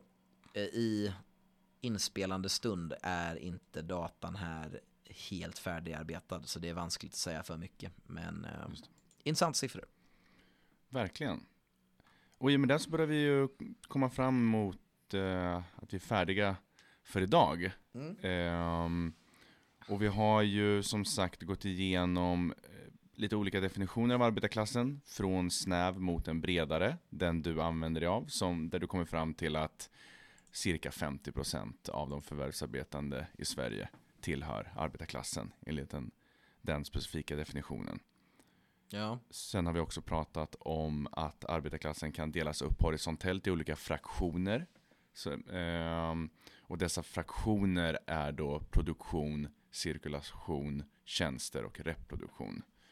Och sen nu mot slutet så har vi även pratat om att arbetarklassen kan delas in i vertikalt i skikt. Där, eh, och vi har pratat eller introducerat kategorierna arbetararistokrati och prekariatet. Och sen så nu har vi eh, allra sist här pratat om lite andra eh, aspekter av som man kan dela upp arbetarklassen inom sig. Ja, man kanske kan säga lite sammanfattande om vad det är som faktiskt är, för nu blir mm. det lite sifferrabblande avsnitt det här, men vad som är intressant av det här. Man skulle behöva göra en självständig analys för att argumentera utförligt och så, men, men några saker som intresserar mig när jag tagit fram det här, det är väl hur många antaganden det finns. Som en klassisk grej är att man antar att den gamla industriella arbetarklassen har dött ut. Att den finns inte mm. kvar, vilket så här, är saker som människor kan säga trots att all den här datan finns offentligt tillgänglig och det är inte sant. Den, den har krympt och arbetarklassen, hur man nu vill definiera den, är väldigt levande liksom. Mm. We used to have people in the in the farmers um, in, in the countryside 150 years ago. We used to have people in the industry but they are basically gone. Uh, det är väl de första grejerna, men sen även det här som vi var inne på lite kort, antaganden om alla är så högutbildade då. Alla är högutbildade. Det som har expanderat är gymnasieutbildning. Mm. Alltså väldigt många har en gymnasieutbildning idag. Men det har ju också urholkat lite. Alltså gymnasieutbildningens status är ju inte vad den en gång var heller. Nej, precis. Eh, men det, det är sant. Alltså, det är en konsekvens av det att vi har ju en väldigt så här, högproduktiv arbetskraft i Sverige. Så här, ja, slipat uh, humankapital i och med att mm. så här, läskunnigheten är ändå väldigt, alltså inte bara uh, liksom ej analfabetism utan så läsförståelsen är ju ganska hög i Sverige. Eh, man har väl ganska så mångsidigt utbildad eh, befolkning eh, mm. och sådär. Sådana saker spelar ju roll. Men om man drar gränsen vid gymnasial efter gymnasial så är det en jättestor korrelation ja. med klasstillhörighet, vilket man ofta inte kan tro ibland när man hör mm. i alla fall vissa röster i debatten. Den utometniska dimensionen av arbetarklassen är stor den är inte i majoritet, men den är märkbart stor. Jag tycker att det är ganska mm. intressant med, alltså jag tycker väl att de här geografiska aspekterna nästan är mm. det man kan dra störst politiska slutsatser av. Alltså var bor faktiskt vissa sorters arbetare? Och vad är det för typ av jobb? Och en gammal en diskussion som Tärborn med flera för, men som är vanlig diskussion, det är ju den här frågan om klassallianser och vilka skikt som ligger nära varandra och så vidare. Och om man tittar på, jag tittade faktiskt på eh, SKPs gamla valrevy från 1947. Sånt gör jag när jag vill ha mm. kul. Mm. men då var det väl något som var ganska vanligt då med så här folkfrontsretorik och så. Där man pratade om småfolket, arbetarklassen och småfolket. Och då var ju det då ej arbetarklassgrupper men som låg nära. Och då var det ju alltså småföretagare. Det är intressant att här, den kommunistiska rörelsen, superduper revolutionär, mest marxistisk, är, har ju stundvis i alla fall, kanske under den stalinistiska eran, varit väldigt orienterad mot just småföretagare. Mm, just det. Och man kan ju diskutera varför då. Var det för att de var dåliga, sämre marxister då? Eller var det för att de var så här... Alltså en aspekt är väl att det fanns väl en identifikation av att vissa företagaryrken, alltså som är självanställda och som har en, där den sociala mobiliteten är så tekniskt ganska lätt att gå från arbetarklassen till småborgerligheten är ganska lätt. Alltså att om du är hantverkare så kanske du bara behöver lära dig lite grundläggande bokföring så kan du köra sen om du fyller lite papper och sådär att det finns ju uppenbarligen en stor överlappning där mm. och det är företagare som hela tiden hotas av att deras företag går under och att de måste gå tillbaka och jobba på en annan firma. Och många pendlar ju, har en firma, den konkar, de jobbar lite, de startar en firma igen, försöker igen, kommer in och ut liksom. Och alltså hantverkarfirmor eller småföretagare i Eh, i mindre lantliga kommuner i produktionssektorn kommer vi sen i småborgerlighetskapitlet se är väldigt stor. Och även att liksom, ja, hantverkare är som mest koncentrerade i, där har vi en ganska naturlig överlappning och en ganska, mm. vad som borde vara en väldigt naturlig klassallians. Det är ju väldigt få av människor inom politisk vänster idag som är öppna för den tanken överhuvudtaget. Att småföretagare på landet skulle kunna vara eh, en naturlig allierad. Det är ju ett ja, riktigt så här Kains-märke. Alltså då har man ju visat sig som en riktig förrädare. Så. Däremot så Göran Terborns eh, ja, humaniora-professioner med stor social förändringspotential antas vara en väldigt naturlig allierad för att de vill ha väl. Och historiskt har väl varit så här löntagare håller ihop tjänstemän och sådär. Men det här är grupper som är helt centrerade, de högre professionerna som är helt centrerade runt storstäder, eller väldigt stor grad centrerade, mm. särskilt mm. sån här humaniora Ja, inte läkare då, de är ganska utspridda. Men eh, väldigt många humaniora-grupper är ja. eh, centrerade runt där. Och eh, jag vet inte, det är när man tittar på sånt här som fraktioner och skikt börjar bli mm. intressant. Och jag tycker också att det är väldigt intressant. Skikt så ser vi mycket på det här. Det brukar ju ofta vara en radikalismmätare i alla fall underförstått liksom, att det är så här, de mest exploaterade och så vidare. Mm. Jag tror inte att prekariat, jag tror att prekariatet är det minst radikala skiktet av arbetarklassen, är jag nog ganska beredd att säga. Mm. För att jag tror att det utgörs av väldigt många människor som egentligen inte tillhör arbetarklassen i en aggregerad bemärkelse. Och jag tror att det utgörs av väldigt många människor som är, eh, ja, men som rör sig in och ut ur den industriella reservarmén och som har ofta en typ lönedumpande, strejkbrytande funktion inget moraliserande om dem som individer och många försöker väl säkert ta sig ur det och bli insiders istället. Mm. Jag tror absolut inte att det är det mest Nej. radikala skiktet av arbetarklassen. Och jag tror att eh, de här, alltså arbetararistokratin definierad som hantverkare är en intressant grupp för jag tror att de både är utgör det mest radikala skiktet eh, på grund av sin trygghet och att de vågar ta många mm. risker. Eh, jag tror att de är i skråmässiga fackföreningar som kan ställa väldigt höga krav och som då kan vara en aggressiv röst inom LO. Och jag tror också att det är därför de har störst överlappning till högerpopulistiska projekt. För att det är de som är beredda att liksom springa före eh, som fraktion med resten av sin klass hela tiden och som har som jag också kan tänka mig har eh, som kan ha en mer kritisk inställning till eh, den offentliga sektorn och alltså att betala skatt och är mer beredd att ställa frågan vad är det jag betalar för än många andra. Och på så vis, alltså nu är vi i spekulationens svär här väldigt mm. mycket. Men jag tror verkligen att det här är en grupp som har naturliga tendenser till att vara radikal och definierat, alltså mest socialistisk och mest borgerlig på samma gång. Liksom. Mm. Uh, vilket är intressant, för jag tycker att det, det är aldrig så det diskuteras. Nej. Där fick vi lite, um, också lite, lite trådar, spekulationer, analyser, slutsatser som man kan liksom eh, dra och bygga på alla de här siffrorna som du ändå har tagit fram, redovisar i artikeln som vi inte haft tid att peka ut i detalj nu. Men det här avsnittet är ju också å andra sidan en liksom kompanjon, companion till, eh, till eh, artikelserien. Och eh, du som lyssnar kan enkelt genom vår hemsida och som även finns i avsnittsbeskrivningen. Gå in och ta del av artiklarna, materialet och följa med det vi har pratat om idag i textform där det finns mycket mer som sagt siffror, tabeller, grafer som illustrerar allt det här som vi har pratat om. Precis.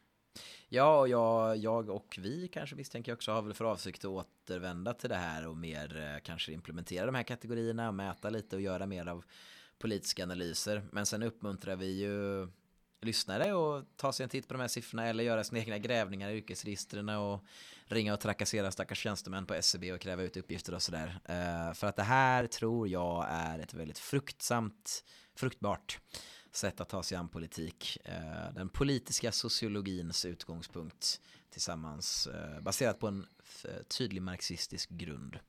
Tror jag är vägen framåt. Jajamän. Tack Anders för ditt gedigna arbete och eh, dagens avsnitt. Och eh, till dig som lyssnar säger vi på återhörande. På återhörande. Du har lyssnat på Aurora Podcast, en podcast från föreningen Aurora. Föreningen Aurora bedriver studier och forskning i en historiematerialistisk tradition. Om du vill lära dig mer om denna tradition eller vara en del av att utveckla den, kontakta gärna föreningen på vår hemsida www.foreningenaurora.com Kontaktuppgifter hittar du under fliken Kontakt och medlemskap. Introduktionsvinjetten gjordes av Viktor Tover Strid. Följ Viktors spelföretag och Interactive på Twitter och hans personliga Twitterkonto @skojaaldrigpapi. Mitt namn är Anders William Berg och jag vill som föreningens ordförande tacka dig för att du har lyssnat. På återhörande.